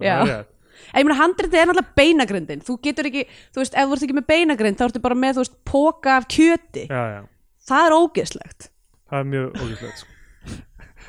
nema ef þú ert Helga Braga og elskar kjöt borða það upp á pókum en uh, þannig að já, ég meina hún er að fjalla um þú veist, en hún er til dæmis og það er greitingi en er ekki til þess að tala um, um finnst Ég- mér já. allavega. Um, en hérna ég, ég, ég, ég skal koma þessu í loka. Ok. Um, en þannig að já, ég veit ekki ég, mm, kannski þú veist, það er samt að fjalla um íslenskan önnurleika mjög mikið? Ég veit það ekki, ég ætla að gefa henni bara uh, ætla ég gefa henni ekki bara átta af tólf um, óætilegum parmaskingum Já, ætli ég gefi henni ekki uh, 9 til 3 af 9 til 5 vinnutegi Gwyneth Paltrow að framlega kíkusáða í kerti það kom það í tíma múti þar sem við gefum myndina eitthvað sess á flagskip íslenska kveikmynda band, íslenska fánan eða mælum fremgar með því að hlustundur horfa ykkur á bandarska Hollywood-ellu þá fær hún bandarska bjánan. Mm. sko ég, ég, þú veist ég er alltaf harður við íslenska gafmyndir ég Já. veit það, skil, ég, þú veist það, er, það er kanuna í þessum þætti. það er alveg þekkt dæmi og aftur, við erum að bera hana saman við síðustu veðurföruna það minnst miklu skemmtilega mynd en síðustu veðurföruna já, ég er alveg sammála því alveg hérna, ekki spurning sko. um, og það sem ég sko, fyrir utan þetta sem trubla mig við íslensk grín sem er sko, ok, þetta eru tvær, tvær hu- hugmyndir annars vegar annars vegar er það að sko íslensk grín snýr svo mikið um hvað við erum en ekki hvað við gætum verið í rauninni mm. það er aldrei stórir karakterar fyrst mér sem brjóta upp íslenska raunveruleikan heldur er þetta í rauninni mjög mikið bara þekkjum við ekki þessa típu Já, sko. við höfum ekki séð þessa típu. Hérna við skulum horfa á þessa típu sem er, þú mögulega vinnur með eitthvað, skulum horfa hana í svona aðeins íktum aðstæðum. Mm. um, þetta er mjög, mjög grounded grín í rauninni, veist, þetta er mjög mikið nálægt því sem kannski hefur verið í gangi í, sjónvarpi, þú veist, líka á alþjóðavísu lengi sem er svona, hei hérna er vinnustaður en það er allir aðeins svona kúkú. aðeins kúkú eitthvað og það, mér finnst ég aldrei sjá eitthvað sem er bara, herðu, hérna er bara eitthvað hérna er, heimurinn gæti verið svona. Hann gæti verið bara tikka á einhverjum öðrum takti, hann er Mm. bara öðruvísi personanar eru öðruvísi. Og þetta gerist eiginlega aldrei í íslensku gríni. Þetta, þú veist, þetta er, gerðist snemma í íslensku gríni veist, eiginlega með Stellu og með mm. sem eiginlega gerir svona best of both worlds hvað, já, og Sótum við Reykjavík sem er veist, mjög uh, svona yfirdrifin já, hefur tón. Já, en núna finnst mér alltaf að vera, herðu, þetta er bara fólk sem við þekkjum í rauninni. já. Og ég sakna þess að sjá virkilega er og s- sammálaður og því ég, hugsa, ég held ég að við hugsað svipaðan hlut en mögulega ekki sagt hann í þeim þætti í hérna uh, Veselins elskandur Já, sem að var Hún svona, hún þannig, hafði burði til að vera hún var alveg, það var alveg allt skemmtilegt við þá mynd. En hún var einmitt svona föst í þessu íslenska eitthvað svona íslenska recognizable karakter. Já, þegar hún hefði getað farið í eitthvað svona aðeins meira já, grínátt alveg, alveg sammála því sko. um, og hi- hinn, hins vegar þá er það að kvikmyndir líti út eins og kvikmyndir en ekki sjónvastæði já, sem þú komst inn á er, veist, þessi mynd er, ég veit hún var gerð hratt, ég veit þetta var skrifað hratt og bara drifið í tökur, þetta var eitthvað COVID við bara, þetta er Mhm. fínt, skilur ég, þetta er, snýst ekki um þessa mynd, þetta snýst um það að mjög mikið af íslenskum kvikmyndum sem eru gamanmyndum já aðalega gaman Aðallega það er gamanmyndum. svolítið eins og að, að eh, þú veist, ég veit ekki hvort að gamanmyndir bara fái minna þú veist, fjárframlega eða, veist, eða þá að sé eitthvað við veist, sko ég skil að það er eitthvað kannski eitthvað ákvarðanatökur sem eru gerðar með, þú veist, þú skýtur gamanmynd á, þú veist, þessar linsur já, já, og þú veist, þú ert ekki að, þú ert ekki að setja eitthvað, þú ert ekki að dempa einhver, grei, eh, einhver greini á einhverja gamanmynd eða eitthvað svona, þú veist, það, veist, það er yfirleitt meira væbrant litir, þú veist, meira svona já, það er einhverjar ákveðnar ákvarðanir sem eru tekna sem ég get ekki sagt að því ég er ekki hérna, þú veist, DOP einmitt. en uh, en þær líta bara almennt miklu verð út og það er óslega leiðilegt Mér langar að sjá einhverja mynd sem er bara, þú veist, fucking Austin Powers, skilur, það mætir einhver karakter sem er bara, eh, bara einhver staðar annar staðar frá Já, og er bara, herðu, nú er þessi manneskja bara í íslensku samfélagi, hvað ætlum að gera í því? Já. Og er bara litrík og, og brjáluð eins og þannig, skilur. Já, og líka Og- bara, þú veist, set dressing sé, þú veist, kannski eitthvað fucking fjör í því Einmitt. Og aftur er mjög ósækjart að tala um þetta núna þetta, er- þetta er mynd sem þú ert að gera í mjög erfiðum aðstæðum Með eitthvað physical þú veist, einhver, einhver hérna set pieces sem snúast um einhver, þú veist, flókin byggja upp einhver set og Já, veist, það sé einhver samhæði dansar eða eitthvað kjæft það er erfitt að ná að gera það á þessum tíma. Þetta er almennt kommentari En það sem við erum að byggja um er bara, þú veist uh, fangelsið í Paddington 2 Já, nákvæmlega. Bara mér langar að sjá hugmynd, mér langar líka að sjá íslenska myndir um það hva, hvernig heiminum gæti verið en ekki hvernig hann er. Hmm. og ég veit ekki, það, það er ósangjart að dempa svo á Þessa mynd þessa mynd en, en þess, þetta er, ég tala alltaf svona um íslenska gammyndir, whatever. Já, já. uh, allt í lagi mynd uh, mér veist uh, eins og ég segi, ég þarf ekki endur taka þetta dæmi með allar hræðilegu hlutina sem gerist í henni en þú veist, ég var að vonast til að þessi mynd hefði töluvert meiri sann sko, af því að karakterinir er ekki jafn ljótir og í veiðiferðinni sko. í veiðiferðinni er þetta svo Bara- mikil skrýmsli skilur já, bara vondir menn. Já, bara þú veist, af því að við eigum með að hugsa æ, það eru dálítið misguided. Og svo koma svona nokkrir oh, hlutir sem bara einhvern veginn, það fór úr því að vera misguided yfir í bara, er, þetta er heimur sem er frekar brútal og ég get eiginlega ekki dílað við. Já. þannig ég get eiginlega ekki ég, mér lókar ekki setja hana á flagskipið. Til að mæla, mæla með uh, Girlfriends, Claudia Veil uh, myndinni. Já, einmitt, mér langar mjög mikið að sjá hana. Hún er, hún er svona mumblecore Já, einmitt. þannig að hún er þú veist, fyrsta mumblecore myndin. hérna, úr svo New, New York sinni sem að, hérna hann uh, kallinn hann Æ, allavega, hann skiptir ekki Nóa máli. Bambach og, Já, einmitt, og þarna er þarna dúblasbræður og allt þetta dót, Já. Uh, hún bara gerði þetta rétt fyrst. Þetta var fyrsta myndin og það, það hefði ekki þurft að gera með mikið af hinum sko, því að þetta, hún bara gerði allt rétt Bara- 1978 Já, ok, og er bara mjög fyndin og, og velgerð ok, cool. Um, Já, veist, ég held að veist, eins og ég segi, bara eitthvað ég held ég hefði skemmt með tölvert betur ef ég hefði verið í, með vinkunahópa að horfa á hana eða í bíó eða eitthvað um, ég held ég hef ekki hleyið upp hátt á nefnum tímundi Nei, ekki heldur. Ég hló Um, meira á one scene Já, sama hér hérna, En þú veist, en ég, þú veist, eins og ég segja þú veist, þessi mynd er gerð fyrir ákveðin hlut og Já. það er allt í lagi og ég er ekkert að fara að dissa það en þú veist, en það er, ákveð, veist, en það er svona hlutir sem maður leitar kannski að í grínmynd sem að mér finnst vanta sem er, þú veist, ég gæti ekki gefið þér neitt kvót úr þessari mynd Nei, það er rétt uh, ég gæti ekki gefið neitt unique look eða þú veist, eitthvað svona hlut, þú veist, það er ekkert með guffin, það er ekkert, þú veist, það er engin það er engin, eins og bara, þú veist, ég geti sagt þú veist, eh, hérna, eyrnabandið hennar Stellu, gula eyrnabandið hennar er brentin í minni mitt, Já, veist, bara veist, það eitthvað, það vantar þessar svona spennandi ákvarðanir. Um, og mér fannst pínu eins og hún hefði getað farið aðeins svona harðar inn í grínið, tekið kannski Já. stærri, stærri ákvarðanir, þú veist að láta, þú veist, þegar hún er að pissa að láta hana bara svona detta niður hæðina og rúlla með buksunar um fangin hæluna eða eitthvað bara eitthvað hækka eins hérna, grínið. Þannig að þú veist,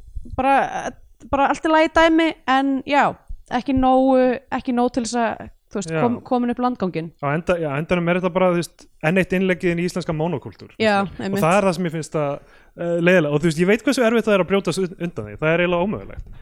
Að þú, þú færð fjármægt til að gera einhverja mynd og þú verður að hérna, gera hana uh, þannig að hún trekkjað áhörundur og þá getur ekki farið á þröngt og verður að fara á breyttina og þá ertu bara föst í, herðu, sjá, sjáum hvernig við erum við erum öll svona Mhm. en þú veist, er það ekki semi-læg getur við ekki breytt einhver pingu litlu og þá verður þetta aðeins þólanlegra Mhm. er rauninni skilabúðin í flestum af þessum myndum hvað við erum eitthvað aðeins pínum minni neysluhyggja, pingu Já, bara, bara, pínu. aggulitli Já. eitthvað, kannski þurfum við ekki eitthvað skonar stand fyrir beljun okkar. Nákvæmlega, hvað ef við kaupum bara fullt á rauðvinu og drekkum það úr flöskunum? Eða þú veist, umhellum því kannski Já. eitthvað en þú veist, við þurfum ekki standin Já. það er það sem þetta það er snýst það sem það snýst um. Það er hvernig, það er hvernig Íslendingar tækla hérna loftasavandan eitthvað svona, ok, ok, við erum tilbúin að taka það á okkur að vera ekki með standundir rauðinspilin okkar. Já, með, þetta er bara ógeðslega erfitt að gera íslenska gamit af því að hvað, þú veist, þú getur ekki verið að hrista upp í allri tilvist fólks. Vinkonur að mæta hérna, þú veist, sam, keira saman í bílnum, þú veist, úr garðabænum í smáralendina til þess að fara að sjá þessa mynd Já. og svo er það bara allt sem þið haldið um hvernig á að lifa er bara lí og þið eru ógeðslegar. Það sko, ok, málega þessi, þessi, þessi endir samt er eitthvað svona þú veist, þegar, bíllinn fyrir að flug þá er maður bara eitthvað, ok, wow, ég hefði viljað sjá meira þessu fyrr í myndinni. Já, bílina þetta bara að fljúa í fyrstu sinni. Svo er það bara myndin fljúandi bíl. Og svo, svo minkar hann og fer hann í æðakerfið á okkur. Já, já, þetta verður um inner space í smá stund.